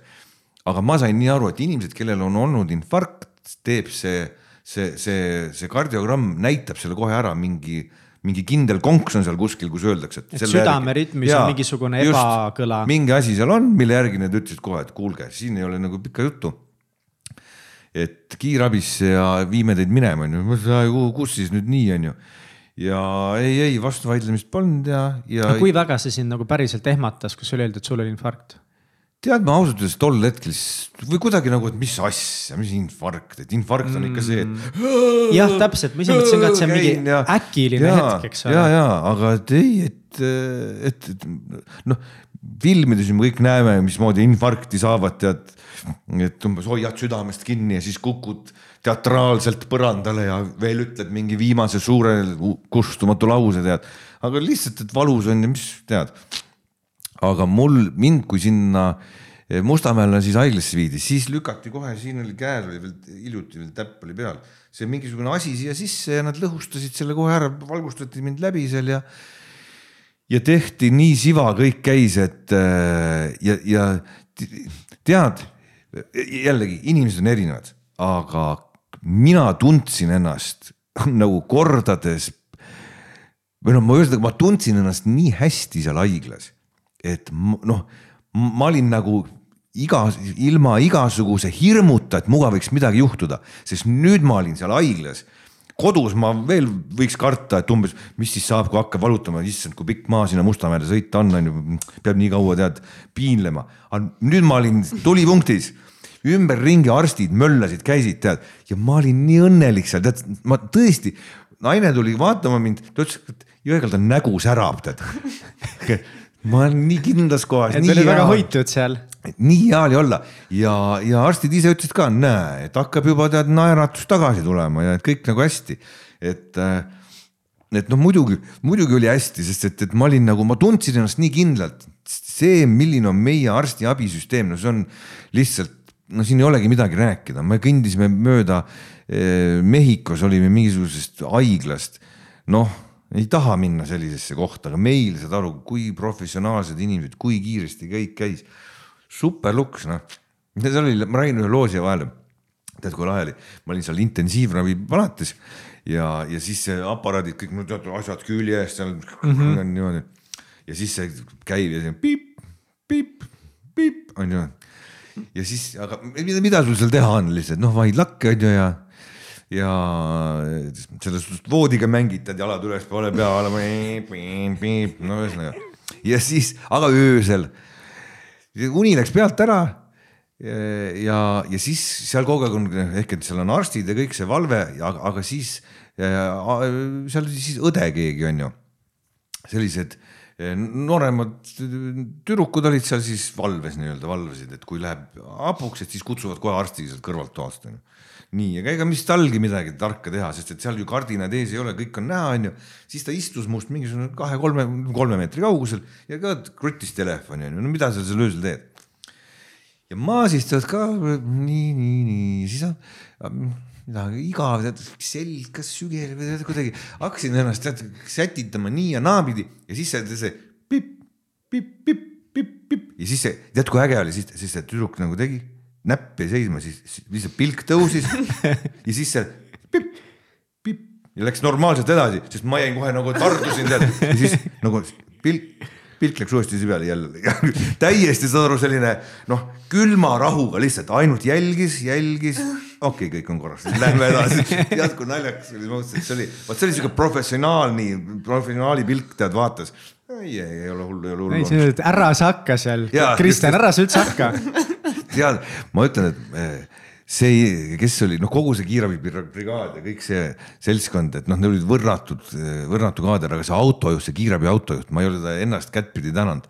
Aga, aga noh, see mees, tema kohta võis öelda, et ta lendas väga madalalt, sellepärast et sellise kiirusega, ma mõtlesin algul, et ma olen ju kesklinnas seal haiglas, olümpiahotelli juures, sest nii siva me jõudsime siia kohale, ma ei kujutanud üldse ette, kuidas on võimalik nii kiiresti siia sõita, aga oli tead ja oli veel nii, et Eh, arst seal kiirabis ütles, et äkki nüüd nii kiiresti ka ei maksa, aga mul oli tunne, et see kiirabimees mõtles, et ei kurat, minu vahetuse ajal Jõekalda surema ei hakka raisk. viin su kuramuse ära, tead. täpselt selline mulje jäi, tead. et jõuad sinna, siis viska lusikas nurka, aga mitte siin autos, tead, seda ei tee see olekski päris sitt jah. kuidas ma kodus seda seletan? just, kuidas ma ütlen naisele kurat mis naine paneb, vastu pead, mis sa pedaali ei oska vajutada?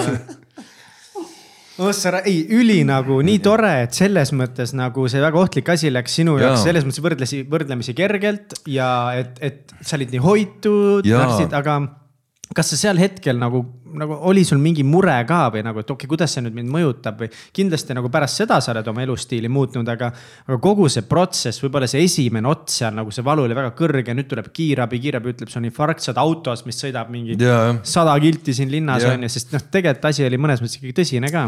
Asi oli tõsine jah, ja see tuli hiljem alles välja, et asi oli tõsine. Mm. nende arstide jutust ja, ja, ja ehm, siis ma sain aru, et jah, tegelikult nad ikkagi pabistasid, sest et seal võis nii palju asju valesti minna, mis ei olnud üldse nüüd selle, ütleme, et selle, selle tagajärjega võis valesti minna, et, et noh, selle, nad, selle asja, selle trombi nad lõhustasid ära, sellega oli kõik korras, sellega saadi ühele poole no ütleme, et mul on nüüd siis mingisugune ühest südame poolest ütleme kolmkümmend või nelikümmend protsenti ei tööta enam lihtsalt. aga, ja sellepärast ma pean võtma mingisuguseid rohtusid, verevedeldajaid ja asju, et sinna ei tekiks trombe ja see umbes pähe ei jõuaks ja siis on täitsa eh, kutu. aga milles oli point, oli see, et peale seda asja võib tekkida mingi kopsus mingi vesi, mingisugused siuksed asjad, mida ma üldse ei teadnudki ju sest mul ei olnud seal mitte kõige, mul ei valutanud enam kuskilt nii nagu varem mm -hmm. on ju. ma olin, mul oli kõik nagu kõige paremas korras. aga et, et tegelikult nad ikkagi hoidsid mind ju kaks päeva seal intensiivis mm. -hmm. ja ma ise mõtlesin, mis nad nii kaua minuga siin teevad, et mul ei ole ju tuh- tuhkagi häda, on ju. võiks rahulikult püsti tõusta ja koju kõndida aga nad jah, pabistasid sellega, et, et need tüsistused võivad tulla ja, ja nad ikkagi jälgisid kogu aeg, hoidsid hoidsid pilku peal, et, et, et ma seal jah, korras oleks. Aga vabandust, korra, ma Nii, lihtsalt tahan ja, seda ja. asja öelda, et, et Ütle. aga, aga see, see tunne on, on nagu sama, samaväärne, kui on see, see tunne, et sa oled hoitud, on noh, nagu sama oluline kui see, et on hea arst. sest et kui sul tekib stress seal ja vaata, seal meil öeldigi, et et noh, ma sain ju brošüüri seal, et pärast, et kuidas edasi nüüd selle infarktiga elada on ju tead selline. no just, just, et nüüd hakkame, hakkame uutmoodi elama ja siis seal on tead kõik need kirjas on ju ja seal oligi number üks ongi stress. Sul noh, see on see, mis, mis viib inimesed hauda loomulikult suitsetamine, loomulikult kõik need tervis, mittetervislikud eluviisid, kõik see asi. aga stress ja suitsetamine on kaks kõige hullemat asja, mis saab üldse olla kui, kui need elimineerida, siis võib, võib täitsa vabalt ja väga hästi ära elada. ja ma siis arsti käest küsisin, onju. et vaadake, et ma siin nüüd uurisin seda brošüüri, et siin on need märgid, noh, et see punane kriips peal on ja mida teha ei tohi, no suitsul ma näen jah, on kriips peal on ju. ja siis, aga et siin, siin pudelimärki siin nagu ei ole, on ju, et, et kas siis nagu siis nagu napsu võib siis ikka võtta või? ja siis ütles, mis et mida sa jaurad jõega, sul oli alles infarkt on ju, nüüd hakkab juba, ma ütlesin ei, ei mina, mina midagi, sõbrad lihtsalt küsisid, et noh, et nad tahavad külla tulla, et millal võib esimest korda siis midagi teha. ja, ja sõbrad, muidugi sõbrad on ju. Ja, ja siis tuli välja, et, et tegelikult ongi see, et kõiki tuleb mõõdukalt teha. oluline on see, et, et sa võid oma klaasikese veini juua, mis on, mis tegelikult klaasike veini päevas ongi väga hea. Ei ole. on, on ei ole see teeb su vere vedelamaks ja see on, isegi me tegime kunagi Teeduga koos saadet Haiged mehed.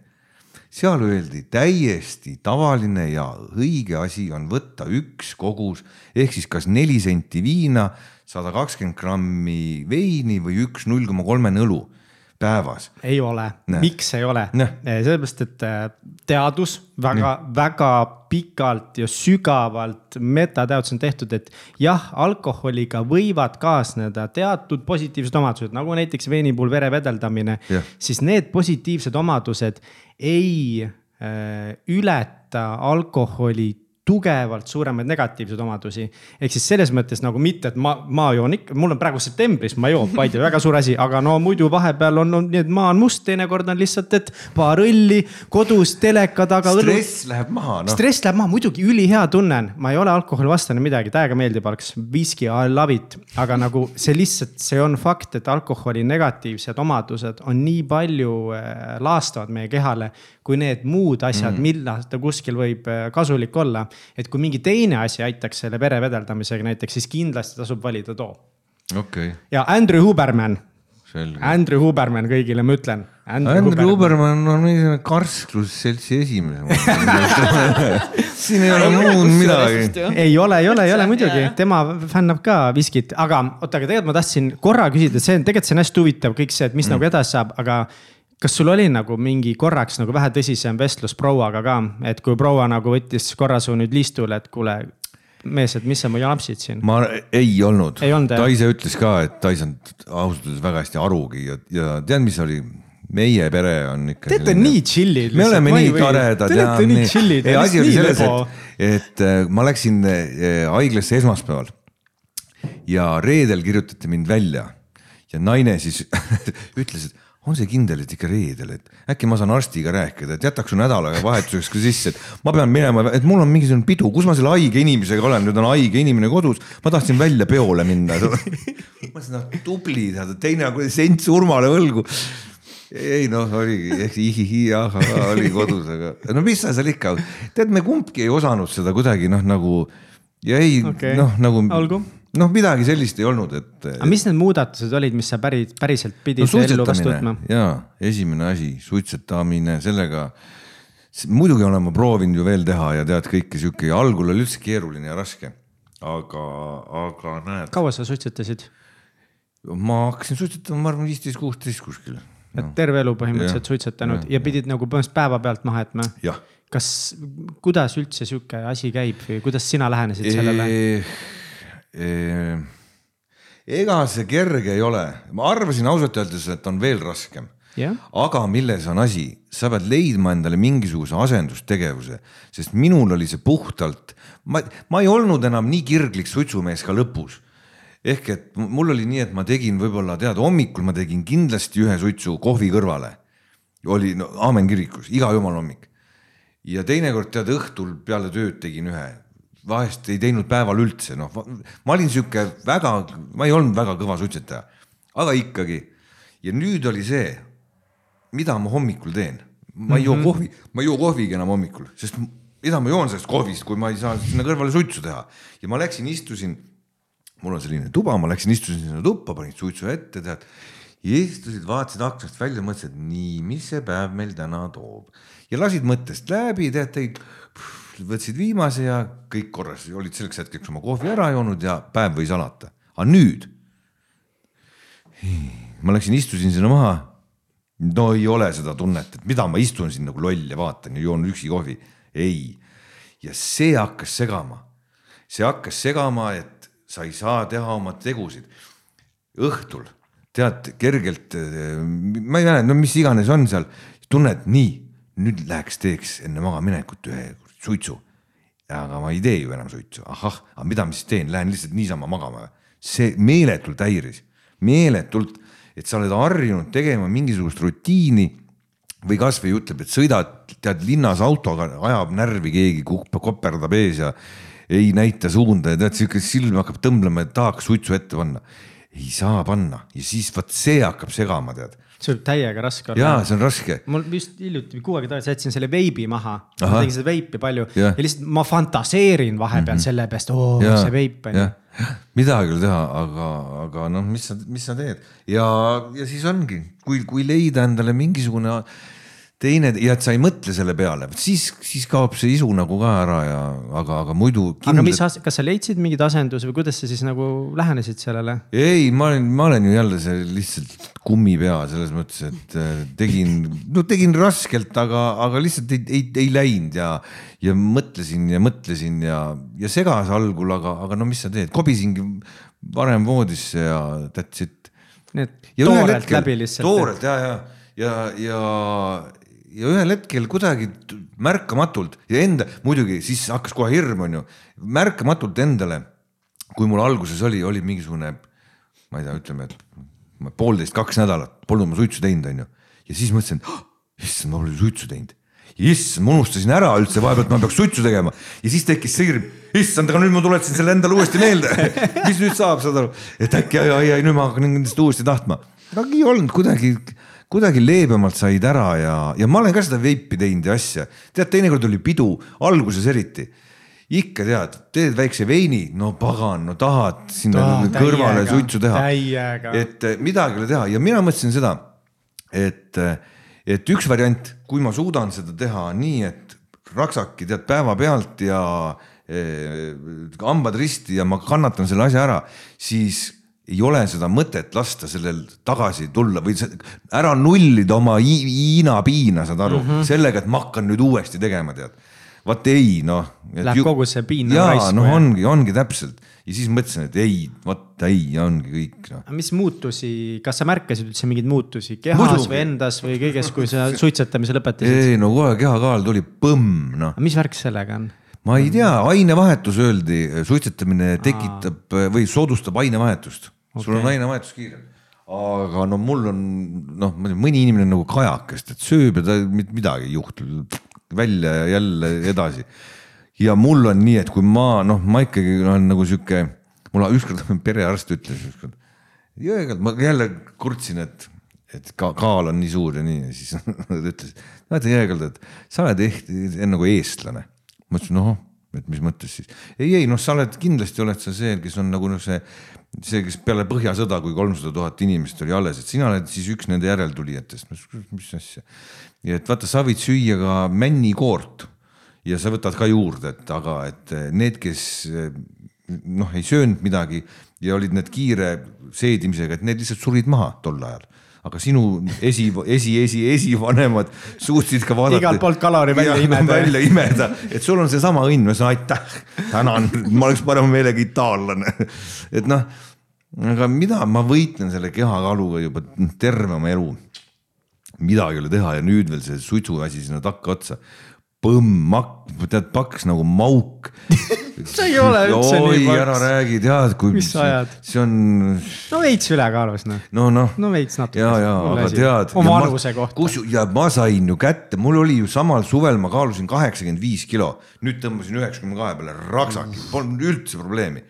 ja, ja kui sa oled ühe korra kaheksakümmend viis olnud, siis sa tead, et ma ei taha tagasi üheksakümmend kahte, ma tahan seda kaheksakümmend viite ja see on Hiina viin. aga mis muudatusi veel, alkoholist pidid loobuma suuremas osas või mingil määral üldse mitte ei see ei ole alkoholist loobunud. ma aga isegi ei pea või? või mis nad ei, ütlesid nad? ütlesidki, et võta easy't, noh, easy't, et ja, ja et ära ja ma ütlesin, et mul tekib stress, kui ma ei saa. olgu, aga Ja- kas, kas oma mõtteviisis või kuidagi ellusuhtumis tegid mingeid muudatusi või kas see muutis kuidagi su ellusuhtumist? või tähendab, mis trenn see on, no ma hakkasin liikuma, sest et äh, kehakaalu pärast ja sellepärast, et peab. Sa pead seda südant kuidagi hoidma nii, et, et ta, et ta saab kogu aeg mingit koormust. ja siis ma hakkasin, mul on kodus see mingi kõndimis, see trenažöör, kuidas nad nimetavad seda iganes ja siis seal peal ma vuhin koos antlitega, nii et igipull on otsa eest nagu see lint või? nagu lindi peal aa, nice, need on mingi ülipopid vist nüüd jah? ja, ja aga kusjuures ma ostsin selle, selle lindi endale enne infarkti ja nagu ettenägelikult juba. no umbes nii ja käisin seal, mõtlesin ka, et noh, hakkan käima seal peal ja noh, käisin ma jee. käisin seal võib-olla mingi kolm-neli-viis korda, panin kõik numbrid kirja ja tead mm, -hmm. ja sinna see jäi. aga seda läks väga vaja siis peale infarkti jah, sest nüüd ma vuhin seal peal, nii et, et vähe pole. kaks korda järjest pool tundi, noh, ma loodan teha iga nädal neli korda. no vahest olen teinud kolm korda päris tubli juba ikkagi. no kolm peab tegema jah, aga et, aga et ta tekiks selline, selline noh, nagu rütm ja et ta kogu aeg oleks natukene ikkagi hoiaks. ja sa ikkagi tegid siis ikkagi suhteliselt suuri muudatusi pärast seda. jah, et noh, noh jah, no mis ta tühi nii suur, kõik No- no, kõnnivad ja teevad. no ma saan aru, et ma olen laisk kõik, No ja sina ennem ei, ega ei kõndinud. Ei, ei kõndinud, jah. niimoodi.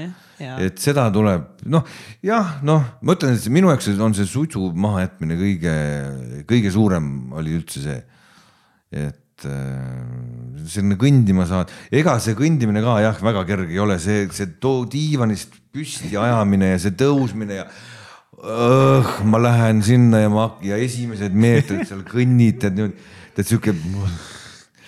aga pärast on juba tead selline mõnus paned nii, et tead siuke lahe, ma ikka ja siis ennast proovid ületada seda kaldenurka ja seda kiirust ja, ja. ikka teatud väitu võistlusmoment tuleb ikka sisse kuidagi, ikka on olema, see jah. võitleja hing on sinus igatpidi olemas. ma arvan No pigem et ma püüan enda jaoks seda huvitavaks teha, ongi kogu lugu. üks viis, kuidas seda Ei, no jah. tõlgendada. täpselt jah, et aga sihuke Kristjan, kindlasti sinu, sinu käest on palju seda küsitud, aga ma küsin siiski, et mis on, mis on ikkagist sinu ja siis teie abielu nii pika suhte nagu ikkagist, kuidas? abikaasa mul kallis Maris ongi see inimene, kui, kui ta, tal oleks mingid omad nõudmised või ta oleks tahtnud oma karjääri ajada, mis on igati loomulik ja peakski ju nii olema, mitte elada põhimõtteliselt perele ja oma mehele. ta on ikkagi ohverdanud ennast nii palju selle, selle asja nimel, sest et eh, veel kord, ma ju kõik laupäevad, pühapäevad tööl, nädala sees siis veel omakorda ja, ja ta, ta tuli töölt ära, ta oli, kunagi töötas pangas, teller oli ja nii edasi, aga ta ei saanud enam oldud. sest et eh, see tähendaks seda, et siis me ei oleks näinud üldse ja siis noh, et lastega õppimised ja asjad, kõik on tema õlul, sest et mind teinekord ei ole ju koduski, onju. Või kui jõuan õhtul mingi kümnest, siis ju kõik magavad. aga ta hoiab kogu seda perevärki enda, see on tema maailm, tema business, tema ajab seda äri ja, ja käib, mängib tennist, puhkab närvi nii-öelda. ja, ja, ja miks ta töölt ära tuli, oligi see, et, et, et siis me saame näiteks maale minna teisipäeval, noh mm -hmm.. noh, kui ta teisipäeval tööl oleks, siis meil ei oleks üldse varianti koos midagi teha, sest et mina olen nädalavahetuseti tööl. Vanasti oli seda rohkem, nüüd on seda vähem nii et sinu üks edusaladusi on ka Maris. jaa, absoluutselt ja, ja, ja, ja väga suur, väga suur edusaladus, sest et kui kodus on asjad korrast ära ja sa pead millegipärast, sa pead nagu muretsema veel sellepärast, et huvitav, et mi- mismoodi seal nüüd on või kas nad seal saavad söönuks või et umbes, et või, või on ka kasvõi see, et miks sa pead nädalavahetusel tööl olema, miks las keegi teine on, miks sa pead sinna minema mm, -hmm. ära mine, tee, tule meiega koos, lähme maale, noh. ma ei saa, mul on ju töö, no kuhu ma lähen, et, et siis oleks, siis oleks täitsa pekkis. aga kas teil ei olnud üldse nagu seda mingit konflikti selles ei, alguses ei? olnud. Kohe suutsite leida selle ühise ja, ja keele? ta, ta nagu, ta sai asjast aru, ta on nagu noh, ma ütlen, et ma ei leiaks paremat abikaasat mitte kusagilt. aga just selle, ei, aga sellepärast. tervitused sulle, Maris. aga lihtsalt point on just see, et et täpselt. no ühesõnaga kõik see, et, et mis, mismoodi mina olen saanud saateid teha, on tänu sellele, et tema on võtnud selle kodu poole enda peale. ja, ja noh, see on super. ja, ja, ja alguses oligi, ta, ta nagu vaatas ära, ta taipas ära kohe, aa, see on sihuke mees, hea küll, noh. et kui tahan olla selle mehega koos, siis jah, ja ma ei tea, miks ta tahtis, ma ütlen sulle ausalt. seda peaks vist Marise käest küsima äkki või? seda peaks tema käest küsima, sest et mul ei olnud algul. noh, ühesõnaga ma ei tea, ma olin ikka. no, no ühesõnaga mina sihukest meest poleks vaadanud. aga kaua te koos olite ennem kui sa naiseks palusite? ma arvan, üheksakümmend kaheksa me abiellusime, ma arvan üheksakümmend viis vist hakkasime käima. kuskil seal üheksakümmend viis, üheksakümmend kuus, üheksakümmend viis ma arvan ikkagi. ja tundsid kohe ära, et Maris on see sinu tead elukaaslane?, algul ei tundnud, selles mõttes algul, selles mõttes, et äh, me olime ühe minu sõbra juures, köögis istusime, jõime õlut. Ja sinna tulid siis Maris ja tema sõbranna, kes pidid minema Tuugvik Stardi kontserdile. ja just sellepärast ma tegin seda liigutust, et ma olin ju tol ajal levimas, nüüd ma kuulan muidugi Tuugvik Starti, aga siis ju mitte, saad aru. ja tulid kaks sellist diskotüdrukut sinna ja ma mõtlesin, mida, mis need siin teevad üldse, et miks nad tulid meie kampa, minge minema, tead. ja, ja tahtsin neid põhimõtteliselt välja tõsta sealt ja, ja porisesin ja kobisesin nendega ja kuulge, minge oma kontserdile ja minge minema. ja siis, ja siis ma ei tea, mis see oli, aga nagu oleks saanud vasaraka vastu pead, käis sihuke kõll sealsamal peol ja ma, ja ma mõtlesin, issand, kui sul on naine ja läksin ja saatsin ta samal õhtul koju veel. Ja siis hakkaski susisema vaikselt, aga ma mõtlen, meie esimesed kaks tundi või tund aega oli täiesti noh, selline, et mina ei vaadanud talle otsa, ta ei vaadanud mulle otsa, ta mõtles, mingi ilge tüüp on seal nurgas veel tead. ja ma oli, olingi meelega ilge, minge ära, aita, ma ei taha midagi. ja siis äkki tead selline, oh õhkasin ja ohkasin ja sai koju saadetud ja siis oligi jah, siis läks kuidagi niimoodi mm,. aga kuidas sa tunned, kas tänapäeval eh, kuidagi, oh väga suur protsent abielusid täna lahutatakse, äh, minnakse lahku, et kas sa tunned, et kuidagi, et see on läinud nagu liiga kergekäeliseks või, või et, et kuidas teie ikkagist nagu olete valinud olla jälle koos? on see, et eks see on inimestest endast kuidagi kinni, inimesed erinevad, on ju, aga, aga mul on, ma ei taha küll moraali kellelegi lugeda, mul on küll jäänud natuke mulje, et võib-olla käib see nats liiga kergelt. see kuidagi, et ah ei saa hakkama, lähme siis lahku ja, ja, ja tänapäeval on ju see, et ega on ju vabaabielus inimesed ja polegi abielus ja selle võrra on ju ka kergem, kergem lahku minna. vanasti see polnud ju mingisugune eriline variant üldse, et kui sa kellegagi koos elasid, siis võtsid ta naise, eks ju noh. et või, või noh, abiellusite.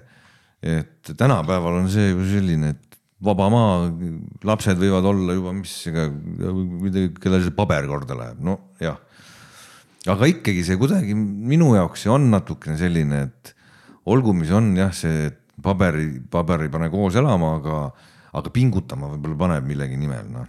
et, et vähemalt ma ei saa siis nii kergelt, mitte et ma oleks tahtnud, aga et nii kergelt, et umbes noh, ma nüüd lähen aga kas te panustate kuidagi teadlikult äh, suhtesse, et te teete mingeid asju koos, käite reisidel, maal, kuidagi koos olemine, perega üldse aega veetmine? eh, ikka ikka tead, minule meeldib väga Marisega sellised, istume teinekord, teeme kahekesi pudeli veini lahti ja meil on nagu väga hea koos olla, meil jätkub juttu kauemaks. ma küll ei saa aru täpselt, millest me räägime selles mõttes, et noh, kui sa järgmine päev mõtled, aga mis need probleemid siis olid, milles, mida me nagu lahend-, lahkasime. ei mäletagi enam, aga jõle mõnus oli, lihtsalt mulised ajad, mingisugust tead joorupit niisama. räägid oma lugusid mis tal on, mis mul on, räägid jälle mingid, aa, kuule, mul tuli see asi, ta on muidugi ainukene, mille peale ta minu peal kuri on. ja millest ma ei saa üle ega ümber, on see, et ma ei räägi talle asju, mida ma peaksin talle rääkima. ma ei tea, kas see on mingi naiste värk või ei ole, aga umbes, et noh, ma tulen koju ja siis ta umbes, noh, no et kas ju, mis juhtus täna, midagi ei juhtunud, et noh, mis seal midagi ei olnud, et kõik oli nagu tavaline. ja, ja vaata naine terve kodus olnud, ta tahaks tegelikult teada, mis ja toimus. siis umbes, et ma ei tea, tuleb Jass meile külla onju ja siis, et oo, kuule Jass, tead, mis täna mul juhtus, mul oli see ja siis vaatad Maris kõrvalt. Ma just küsisin su käest, kas juhtus täna, mul ei tulnud see enne meelde. Ja, ja tead, ei tulegi niimoodi, noh, et kui sa pead hakkama mõtlema, et mis siis oli, aga see tuleb hoopis mingi muu asjaga seoses, no ma ei tea, Jaagup toob mulle konservi, tead, kuule, ma kuulsin laheda anekdoodi, räägin sulle no miks mul ei võinud anekdooti rääkida, no mul ei tulnud see enne meelde, noh, noh, saad aru, et vot see on asi, mis ta ütleb kogu aeg. Jõekalda, Jõekalda, saad aru, ta on nii kuritegenud mu peal, räägi mulle, räägi. siis lõpuks ikka räägid. Ei no ikka räägin, aga, aga noh, aga, aga see, see sinna jõudmine, see on väga vaevaline, et ta nagu noh, tema ootab nagu see, et, et, et mul tuleks kõik asjad kohe meelde ja kohe saaksin talle kõik asjad ära rääkida, noh ei tuli noh nii et midagi. musi ootab nii hull koju meest noh. noh jah. no ja uudiseid. jah, jah, aga. aga kuidas, kuidas sina eh, panustad sellesse suhtesse abiellud, kui Maris nagu nii-öelda ohverdas oma selle karjääri, on ju.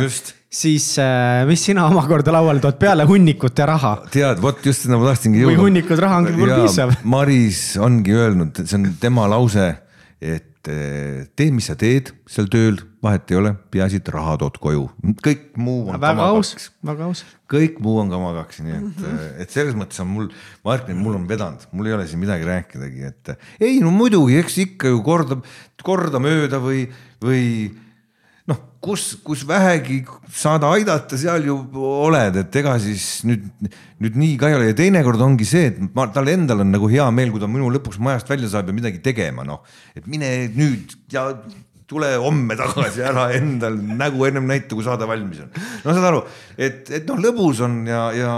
nii äge. et, et noh see, et see ei käi ja see ei tohigi käia kuidagi läbi sellise Hiina-Piina tead, et küll mul on raske, ma pean lastega kodus olema, sina lähed tööle, loomulikult tead, suhtled seal inimestega. kui selline asi oleks, no siis ei saaks seda teha.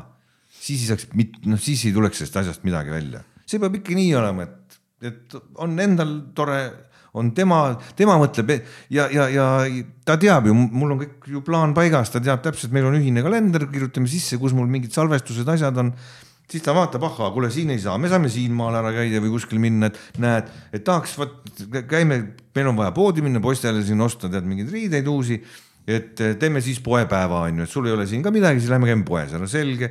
tema nagu orgunnib noh, nagu need asjad ja mina siis tulen kossa-kossa järgi ja kossa-kossa. kas äh, võtame selle uue ettevõtluse teema ka või sul on veel mingeid? ta ähm,, sa oled täit-, noh, nice vibes. nüüd alustan täiesti uut sorti ettevõtlust. nii, nii äh,, räägi sellest, miks on ja miks sa seda teed? lauamängud.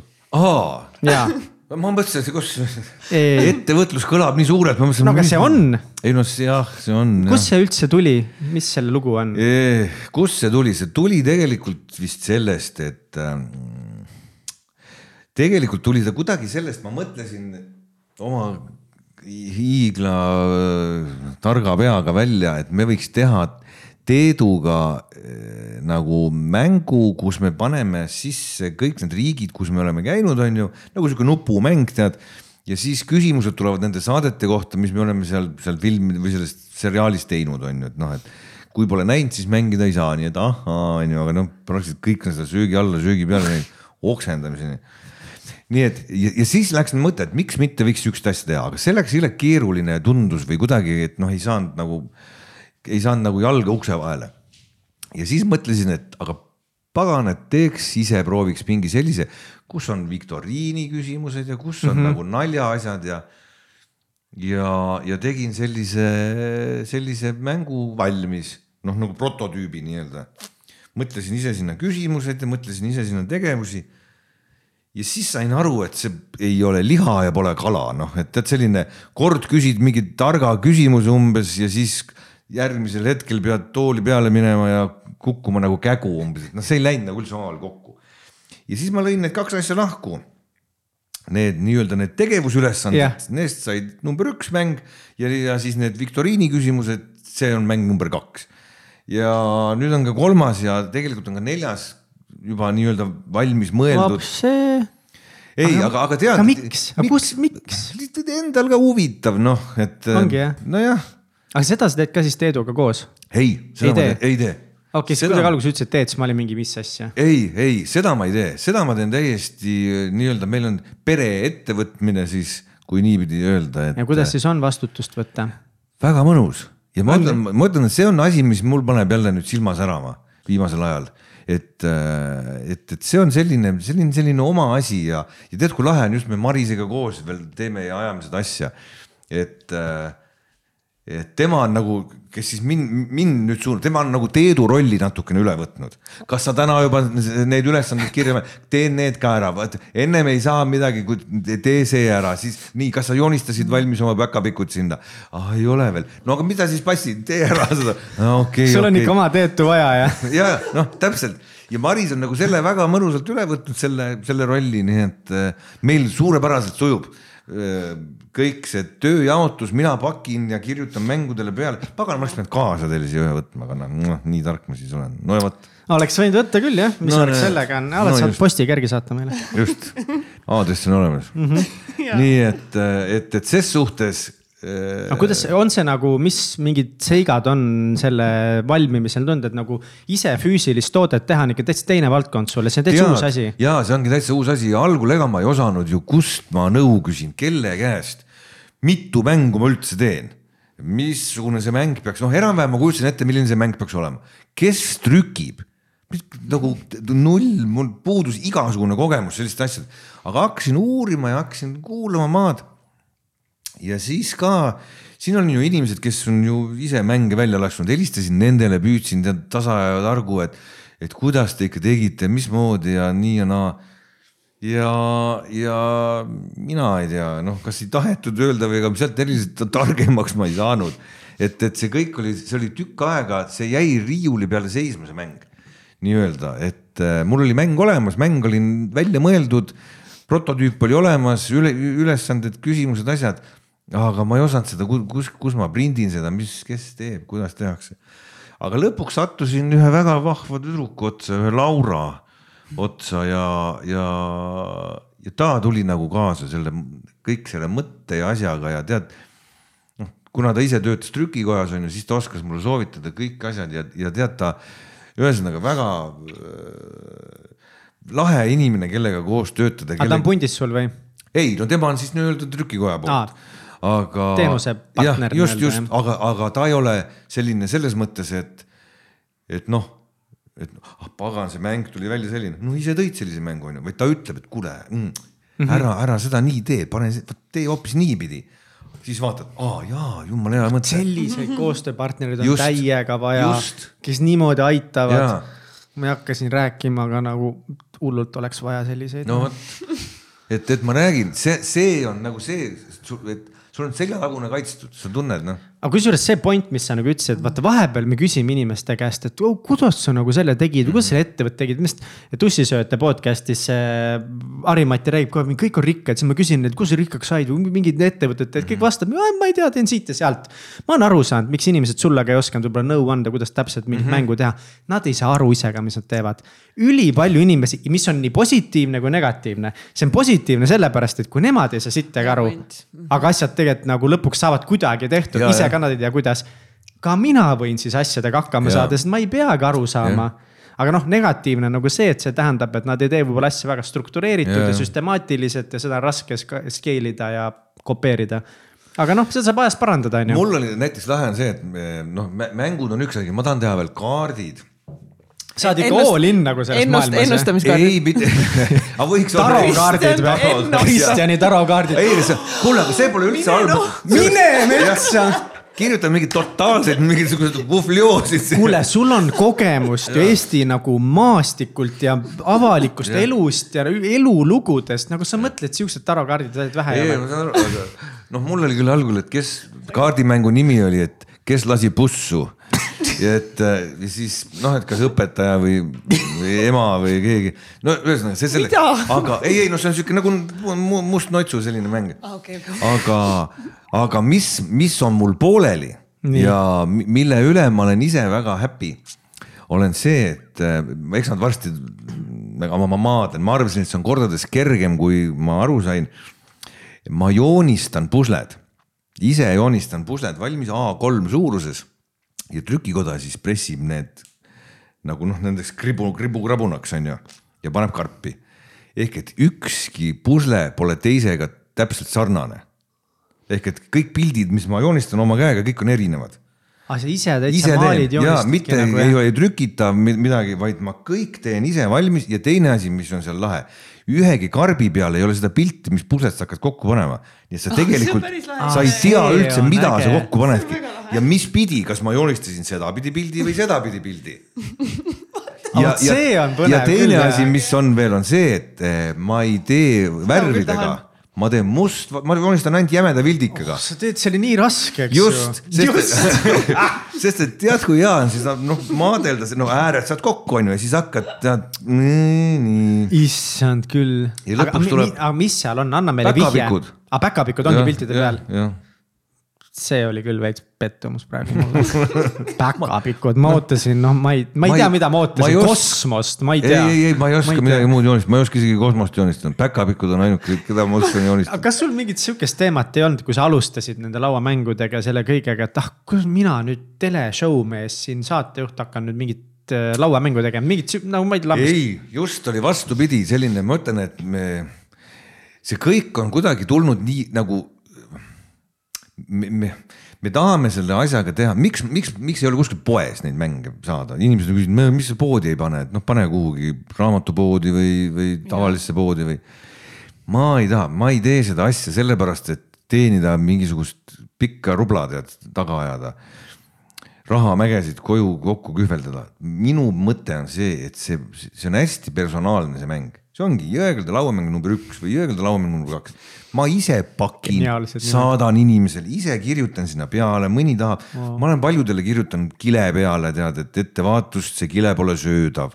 Või, või noh, mingid sellised lollusi, noh, et kui kile ära võtate, siis on seda pärast väga raske uuesti peale saada, et arvestage sellega. Noh, saad aru, siukseid asju et mäng on korduvkasutatav, teda saab mitu korda mängida.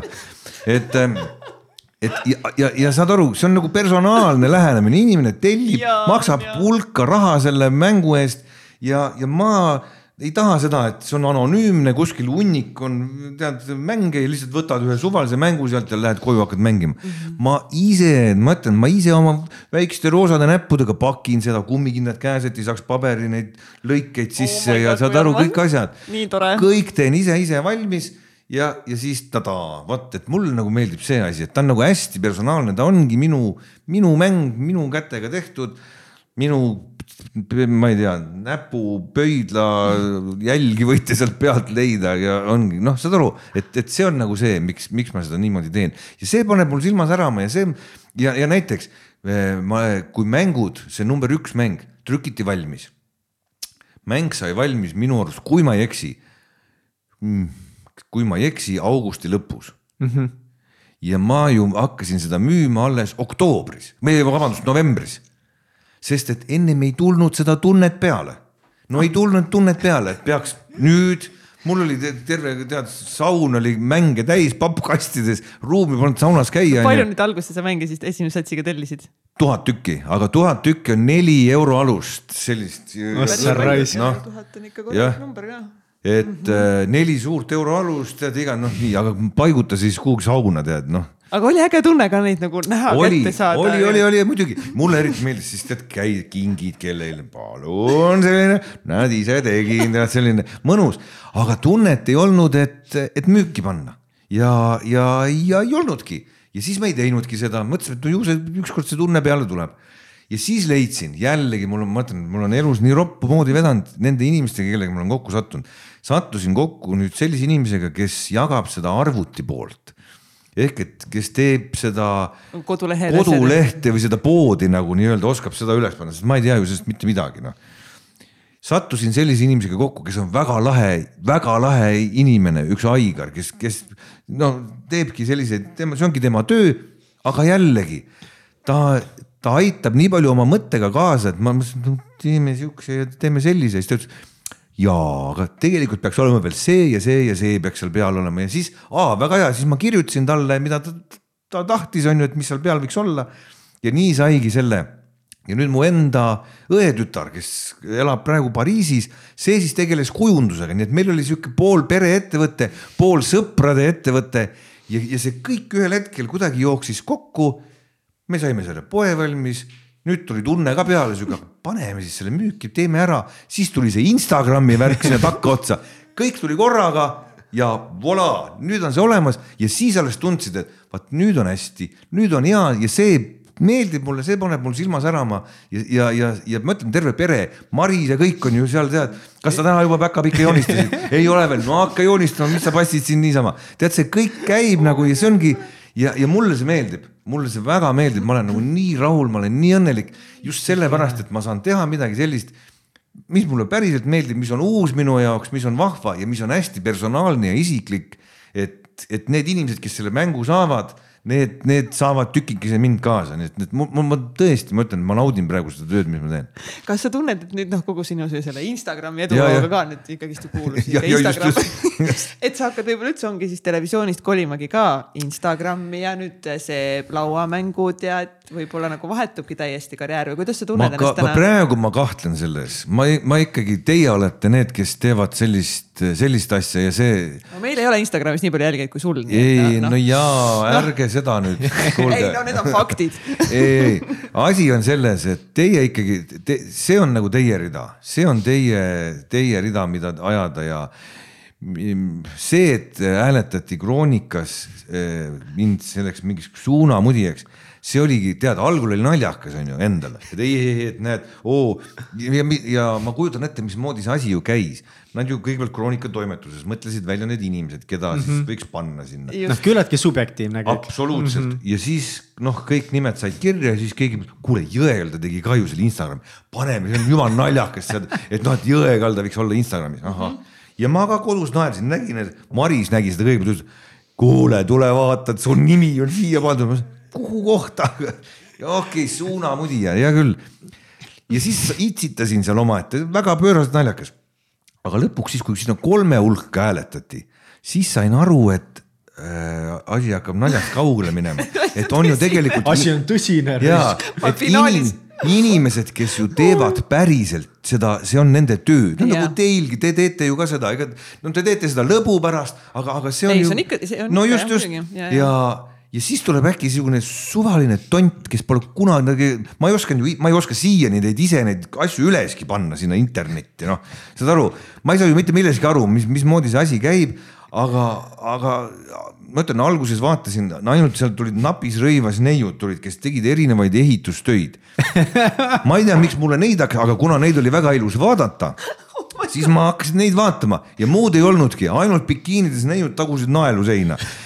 Väga mõnus, no on sihuke asi, noh ei nagu Instagram on ja nii, et kui sa Instagramiga on selles mõttes nagu perses, et kui sa ühe korra ilusat tüdrukut vaatad Jah. seal, siis nüüdsest on sinu Jaa. Instagram ainult paljad naised. just ja mul ongi, et mul ongi ilusad bikiinides tüdrukud löövad naelu seina ja kassivideod. saad aru, kõik muud mitte midagi sealt ei tule. ma kassivideosid võin vaadata, ma ei, mul, ma ei ole üldse suur kassisõber, mul on allergia loomade vastu, kassi vastu eriti, ma aevastan, kui ma neid näen aga kassi videosid mulle meeldib vaadata, sest nad on. Üliarmsad on ju.. ei, nad on nii oinad, need Need kassid, nad kukuvad ja lõhuvad ja laamendavad ja, ja seda mul, mul tulevad siuksed videod sisse. kassid on mega armsad, ma endale kassi ei taha, ma ka kodulooma üldse ei taha, aga arust kassid hullult armsad, ma pole elu sees mõelnud, et nad on oinad. ei no nad on ikka puhta kummi pealt ka vahet seal, no ühesõnaga sõltub, mis videosid nii, sealt aga tuleb. siis olid seal top kolmes. aa, jott, just ja tead, miks ma arvan, miks lõpuks osad inimesed hääletasid top kolmest just Jõekaldat sellepärast, et vot panemegi Jõekalda, ongi naljakas, päris, et ma oleks ka Ja hääletanud, aga kes, aga kes teised kaks olid, mäletad või? ka minu arust oli Lauren Villman ja kas ei olnud see, Sevakin või mitte Sevakin ei olnud, vaid oli see sõber, mis tal. Robin Valting jah? Minu arust ma oleks kindlalt sinu häälet aga tead, millest või, või, või ma võin eksida. See on palju ägedam. ei, aga tead, ära nüüd hullu aja, vaid milles oli asi, sest et teised inimesed, ma arvan, suur osa inimestest ei olnud kunagi näinud minu ühtegi mingisugust postitust, mitte iialgi. Nendel puudub isegi Instagram, aga, või, või Youtube puudub, mis iganes. Erinevas vanusastmes kuuskümmend pluss inimesed või seitsekümmend pluss inimesed ja aga rahvas hääletas. aga nad hääletasid sellepärast, et ainukene tuttav nimi, mis vastu vaatas. oota, aga nüüd ma, aga aga kas, kas ei ole niimoodi, et see hääletus kuidagi jõuab ikkagi rohkem nende inimesteni, kes on nagu selle Instagrami maailmaga rohkem ei, ei kursis? Kroonika ju, sa saad. see on Kroonika esilehel kuskil kroonika nagu. loed, vaata. aga nagu kas, kas need vanainimesed loevad Kroonikat paberi peal? ja, ja aga paberi peal sa ei saa hääletada ju. ei no sa hääletada saad ju ikka, ei netis pead hääletama. aga ma mõtlen, et äkki need vanainimesed ei oska seal netis hääletada ei. no ega need nii vanad need inimesed. ma arvan, et noored hääletasid sinu poolt, sest nagu noored ka, ma arvan kindlalt jah, või ma arvan ei, ei, igasugused. ei, ma arvan, see oli puhas protesti hääl, see oleks nagu kõrv, Kõlvart oleks presidendiks saanud. see ei olnud sama olukord kui kui juba see. sina ja mina oleks ka hääletanud Ma olen noor. poolt. Ma oleks poolt hääletanud. nagu ma lihtsalt magasin maha selle hääletuse onju ei päriselt lihtsalt, aga, tead miks või, sellepärast et sa oled lihtsalt Eesti rahva nagu lemmikmeelelahutaja jaa, aga ei nagu tohi ei tohi. teiste marjamaale trügida valel põllul oled ja ei tohi. minu meelest on see just nii äge nagu sellepärast, et lihtsalt, et see näitab jälle ära seda, mis on võimalik No võimalik on lihtsalt, et Jõekalda üks hetk otsustas, et ta fucking läheb Instagrami ja järgmine hetk ta on aasta suunamudi ja nagu mida perse ja konkurents rikastab. absoluutselt, et nagu mis on võimalik ja ongi veel sinu nagu see, et no et sa ütled nüüd ettevõtluse, see paneb Mhm. su silma särama ja et nagu see kõik on nii kihvt ja nii äge ja nii inspireeriv ja nagu see näitab teed ja see on äge. aga suur tänu sulle. no tundub, et sa mudid seda suunda siin ikka korralikult noh. Kristjan on tõesti päriselt aasta nagu võib-olla mitte Instagramis suunamudija, aga üleüldiselt elu suunamudija ja Oh, ma olge tänan, issand, nii hästi pole keegi enam mulle nagu. öelnud, ei jumal. elu suunamudija.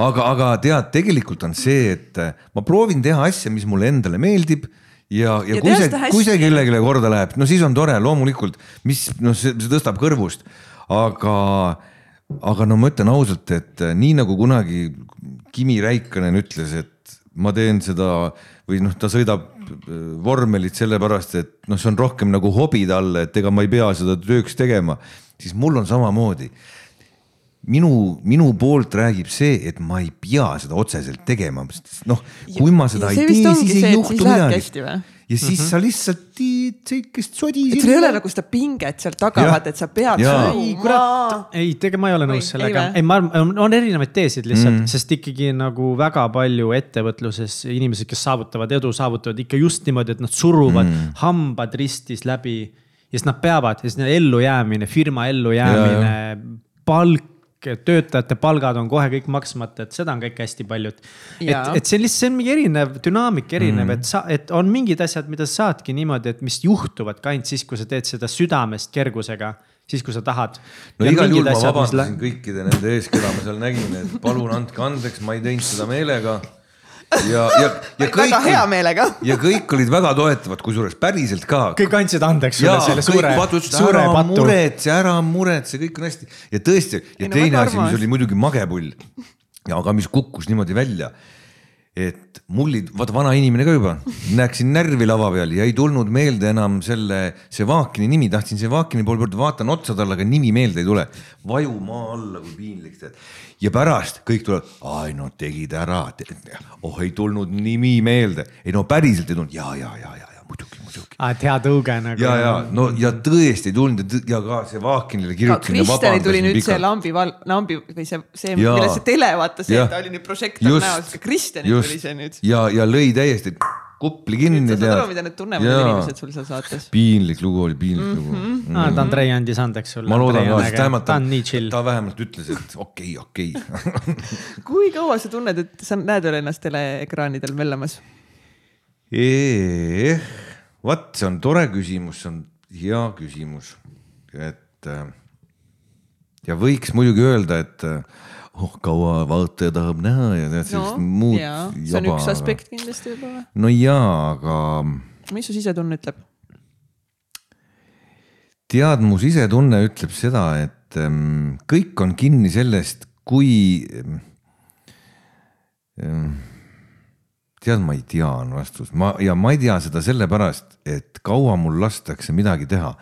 No ma ei tea, niikaua kui Teet on elus näiteks ja on nagu mingi let's go. jaa, seda küll, seda küll, et eh, eks meil ongi Teeduga ka see, et mida vaatame ka teinekord üksteisele otsa, et mida me edasi teeme et nii palju on juba tehtud, onju. ja, ja ei taha ennast väga kordama hakata ja, ja mis see aga on. reisimas viitsite veel, viitsite veel käia, ma saan aru, te nüüd lähete ka ju jälle tegema lähme, kaks kanget onju, et kuidas teil see, kas see on nagu noh, et ma saan aru, et see on nagu äge, aga kas see on, on nagu noh, midagi, mis tahate veel, et minna veel rändama ja veel teha neid saateid või? Või on see ka juba natuke on, selline, et see nagu on noh- ka nagu selline, sellepärast et eh, noh, me oleme ju teinud, nüüd on kümnes reis tuleb ja, ja ma ei tea, mitu, kolmteist või neliteist või viisteist aastat on see ajavahe olnud. ehk et ei ole enam nii krapsakas ja nii särasilmne, kui olime seal esimesel reisil. ja kõige halvem on see, kui me, et noh, vaata, hea on see, et meil see Villem, kes on äh, režissöör, tema on löönud need asjad nii vahtu, need saated, et seda, et me oleme vahepeal vanemaks jäänud, seda polegi näha ei, ei et ole on, see on nagu muusikavideod ja sihuke vilgub ja sähvib ja tead, inimene Väga ei, ei jah., nojah, inimene ei jõua vaadata, et aa, kaks viiekümne aastast meest ukerdavad kuskil ringi. saated on väga hästi tehtud. no just mm, -hmm. aga see on tänu sellele, aga see on selles mõttes natuke valus ja natukene me petame ju iseennast sellega, sest et mm. tegelikult oleme me viiskümmend pluss, tegelikult me enam ei jaksa nii väga kõrgele hüpata, kui vanasti hüppasime ja kui Villem ühel hetkel meie eest selle katva sirmi ära võtaks, siis seal taga võib-olla oleks väga kole vaatepilt, nii et, et no vot ei tea, millal, millal me aga äkki rahva, aga äkki teie saated lähevadki natuke võib-olla nagu lihtsalt vahetavad natuke stiili, et nad ongi natuke võib-olla Võib-olla. aeglasemad võib-olla ja rahvas tuleb nagu teiega kaasa sellesse nagu, no ma ei taha nüüd, okei, Ei, nagu, nagu noh, natuke nagu seeniorite reisid. no just, just nimelt ongi. A la nagu, just. et noh- aga mis ta muud ongi, ongi täpselt ju selline, sest me oleme ju nagu see oh ja ah matkal. mina ju ainult ägisen, et aa, jälle peab sinna minema ja Teet on siiamaani olnud ju see, kellel on selline entusiasm ja lähme ja teeme. ühel hetkel, kui tal tuleb seesama peale kui mul, vot siis on kööga, siis me enam seda reisisaateid ei tee, sest siis on lihtsalt mõlemad on sellised, ärme lähe kuhugi, noh täpselt aga niikaua, kui ta ütleb, et ronime kuhugi otsa ja lähme ja teeme, et no nii aga kaua see. hoiab ka kindlasti ka sinu nagu vaimu ja Seda sellist küll, jah. värskena ja täiega. seda küll jah, seda küll. no sa oled ikkagi noor mees ka veel, mis, mis vana Ei, asjast me Absoluutselt, vana on inimene, nii kui ütles Sulev Nõmmik, vana on inimene siis, kui või ei sula suus enam ära, nii et no Mul... no siis on nagu mingi muu probleem, mitte Jah. ainult vanus aga mille üle üldse sa nagu kõige uhkem oled oma, selles mõttes, et sinu elutöö ei ole veel läbi kindlasti, aga sa saad väga paljult juba nagu üle õla, üle õla. mul oleks väga hea meel, kui mu elutöö oleks läbi, päriselt ka, ma tunnen. aga mille üle sa oled ma... siis kõige uhkem praegusest, mis sa teinud oled ja korda saatnud Eestis? no mis ma oskan öelda? või mis paneb sul endal nii-öelda silma särama, kui sa mõtled, et oh, et jumal mulle... tänatud, et ma tegin seda. tead, mis mul on hea meel, mul on hea meel selle üle, et teinekord, kui ma kõnnin kuskil tänaval, tuleb keegi, võtab nööbis kinni ja ütleb, näed, tegite hea saate. Mul on selle üle hea meel ja see ei, võib-olla see kõlab võltsilt või pateetiliselt kuidagi, et oh issand, teeb suuri sõnu, aga tegelikult ei ole, tegelikult on see päriselt hea tunne, kui sa saad aru, et sa oled miskit teinud mis kellelgi on see korda läinud. ja, ja see, mida me seal ekraani peal ajame, noh, ütleme, et me oleme, me oleme alati ka kõikidele oma külalistele öelnud, keda me oleme sinna saatesse kuskile kutsunud. Meil on, me teeme Teeduga kergemat või meelelahutust, selle meelelahutuse kergem vorm on meil. me ei tee ajakirjandust, me ei, me ei, me ei oska selliseid asju teha, me teeme meelelahutust. Nii hästi või halvasti, kui me seda teeme. Ja kui see mõnele inimesele meeldib ja kui ta istub üksi kodus ja tunneb, et ah, küll on kehv väljas, sajab pussnuge ja paneb peale ja viitsib vaadata kümnendat korda, mida korratakse kaks kanget kuskil Indias, siis, siis, siis järelikult on midagi läinud täppi ja midagi me oleme suutnud ikkagi niimoodi teha, et, et on, sobib ja selle üle on hea meel, selle üle on tõesti hea meel. sest et äh, eestlased, kes väga sellised jutukad ei ole ju, kui need juba tulevad ja ütlevad, kuule, poiss ägedalt paned, pange edasi. hea meel.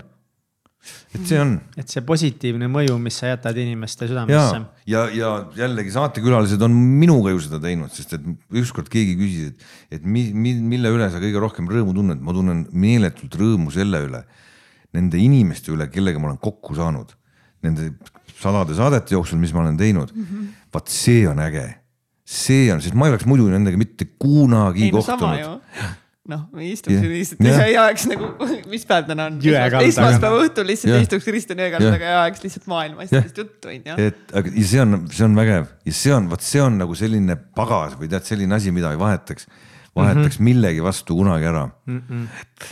et see on kihvt ja aga noh ja, ja kui sellest kellelegi veel kasu on, siis kuulge, mis, milles küsimus mm. -hmm. ja, et see ei, ma mõtlen lihtsalt, et see sihuke ongi sihuke meelelahutaja nagu siiras töö, et inimestele tuua ikkagist ongi nagu rõõmu ja, ja seda naeru neile nagu mis saaks olla nagu, nagu parem lihtsalt yeah. sellest, et nagu mina usun täiega, et siis, et see naer nii niimoodi tervendab ja naermine ja kõik see ja noh.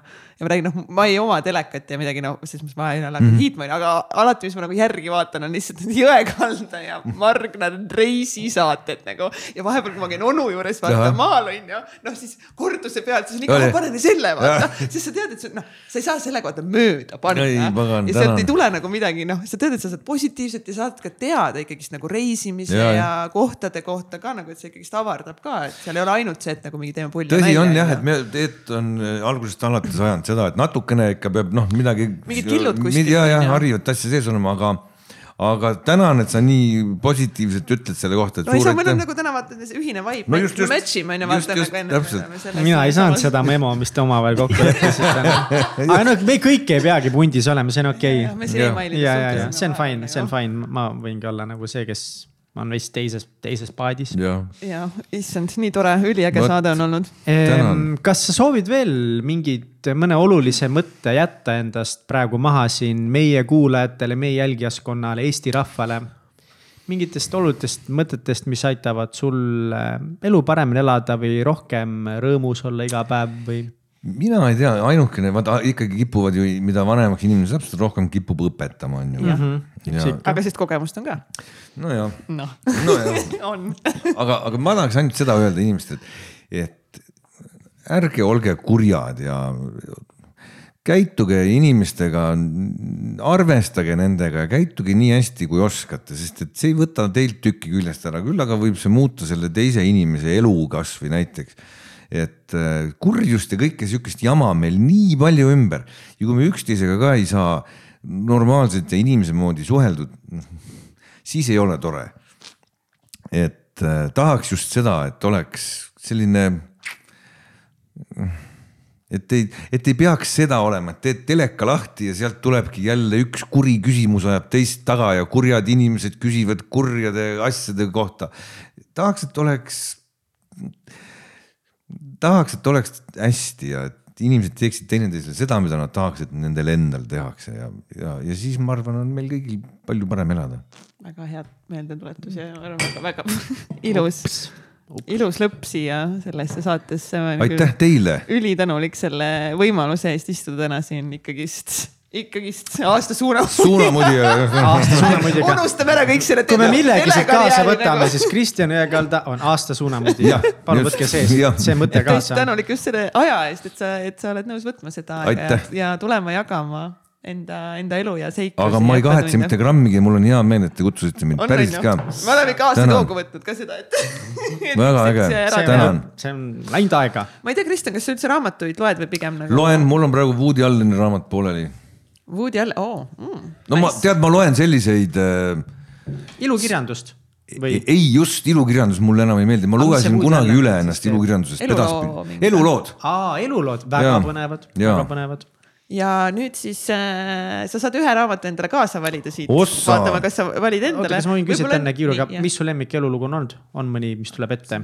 oi, oi, kui palju neid on olnud, kelle kohta ma olen teada saanud eh,. Jõmmi, jammi, no kuule. no Eesti oleks pidanud küsima nüüd kümme minti. ja, ja ei, ei tead, ma ei, tead, ma ei hakkagi ütlema. no ütle et... üks, mis sul hinges kohe tuleb, mõni elulugu, mis väga puudutas sind, mõni raamat, eluloo raamat, mis puudutas teie hinge, härra Kristjan Jõekalda Te olete otse-eetris, eh, uudiste ülekanne.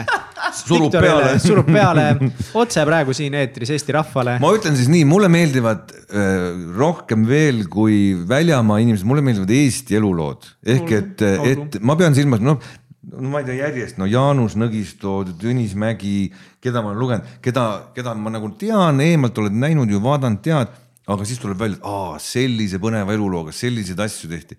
Need on nagu noh, need on see, mis teeb, et näed, miks ma loen neid, on see, et kunagi ma ju täiesti eirasin seda ja ma ei teadnud ju üldse, mis toimub e-, Eesti elus või kuskil mujal maailmas. lihtsalt mina ja maailm. ja, ja lõpuks ma olen tänu, ma ei tea, millele olen jõudnud nii kaugele et ma olen hakanud aru saama, et ka enne meid on olnud elu ja tuleb välja, et ka enne meid on tehtud nalja ja enne meid on inimesed pannud sihukest pidu, et vähe pole. ja enne meid on olnud veel sada miljon muud asja. inimesed on surnud ja sündinud ja kõik see on toimunud. ja, ja kui selle kohta uurida, vot siis see avardab seda silmaringi, et ei ole ainult see, et mina täna ja homme on ju tulevik kauge ees vaid minevik ka. minevik on sama tähtis kui tulevik. ilus. Nüüd kuna noh, Kristjan on ikkagi sisenenud, vaatasin ka nüüd ikkagist ärimaailma ja tal kindlasti läheb siin nüüd uusi teadmisi vaja, kuidas esimene raamat siis, mille vahel sa saad valida, on siis Järeleandmatu heast suurepäraseks ja sealt edasi peatamatuks. number üks valik. ossa Juudas on ju siis on äh, Hall Elrodi Imede hommik see mitte nii ilmne saladus garanteerib su elumuutuse enne kella kaheksat hommikul. selge ülikahtlev nägu. ja siis on äh, viis tärni, suhtlemissaladused, mis muudavad sind heast võrratuks. nii, millise valiku teeb täna härra Kristjan Jõekalda? aga ma küsin nüüd sedapidi, panen teid sellesse olukorda. Te nüüd olete kuulnud, me oleme siin vestelnud mõni aeg, millist raamatut oleks mul vaja lugeda, et ma paremaks inimeseks saaksin? jah, ma tahtsin välistada selle järeleandmatu selge. ma arvan, sest sa oled selles kohas elus, sa oled suhtleja nii või naa, suurepärane. Need hommikuteemad muidugi, mul ei, ei, ei, ei vaibi, et see oleks sinu värk praegu mm, -hmm. aga nüüd sa oled vot selles kohas, kus sa rääkisid, ainult sina pead võtma vastutust ja sina vastutad. ma tänan Ma no Maris ka ikkagi vastutab natukese, nagu me aru saime, ta vastutab suuresti. ma arvan, et Maris saab ka lugeda seda, seda raamatut. ma arvan, et, et me jagame seda mõlemad ja saame mõlemad veel suurepärasemaks, kui me oleme. jah, nii et kui sina tahad ka minna shoppama, siis äh, raamatuid, siis äh, miljon.ee, siis äh, sooduskoodiga täitsa pekkis saad endale väga hea hinna, nii et Kristjani mis see oli, ütle palun uuesti. miljon.ee. raamatupood? jah üliäge, ülipalju ägedaid enesearengu raamatuid ja, ja nii kihvtid ettevõtjad, omanikud, kes seda asja veavad. Nagu ka teevad seda missiooniga, et tuua nagu Aa, just võt, võt. enesearengu raamatuid Sest eestlastele. kusjuures ma arvan, et Marisel on päris mitu nende toodud raamatut öökapi peal, sest mm -hmm. tema muudkui areneb e enest. Shout out to Mari, Maris ja Ken, aga Maris, palun lihtsalt. jah, nii et väga hea, siis ma ütlen talle ka selle asja edasi. ja täitsa pekis koodiga. kasutage siis. tänan teid, kallid sõbrad. ja kus Aitäh. Kristjan, äh, Instagrami, ma saan aru, tulge sa ikkagist teed sisu sinna, oled jätkuvalt sisulooja sinna no,. ja püüan, annan endast parima, tükk aega pole midagi teinud aga. Kristjani ega jälgida Instagramis, äh, kus saab siis shopata sinu äh, lavamängu? jõekalda.ee Joekalda. ei, Õõga. Õõga või? vahi, isegi What? tehnoloogia on arenenud. on, on jah mis tehisintellekt me siin räägime, see on lebo, õ-tähe saab panna urli või? mida fuck'i? täitsa perses. täpselt nii. vot see on tulevik. ma räägin kui Jõekalda teeb äri, siis on ikka nagu, on kohe tunda. jõekalda.ee. aitäh. aitäh, Kristjan, aitäh. suur aitäh täitsa Pekkis saated tõid teieni Katrin Hinrikus, Egert Karu, Mihkel Vetemaa, Martin Haljaste, Pipi Õun, Treisi Sarapuu ja Mailis Sats. aitäh teile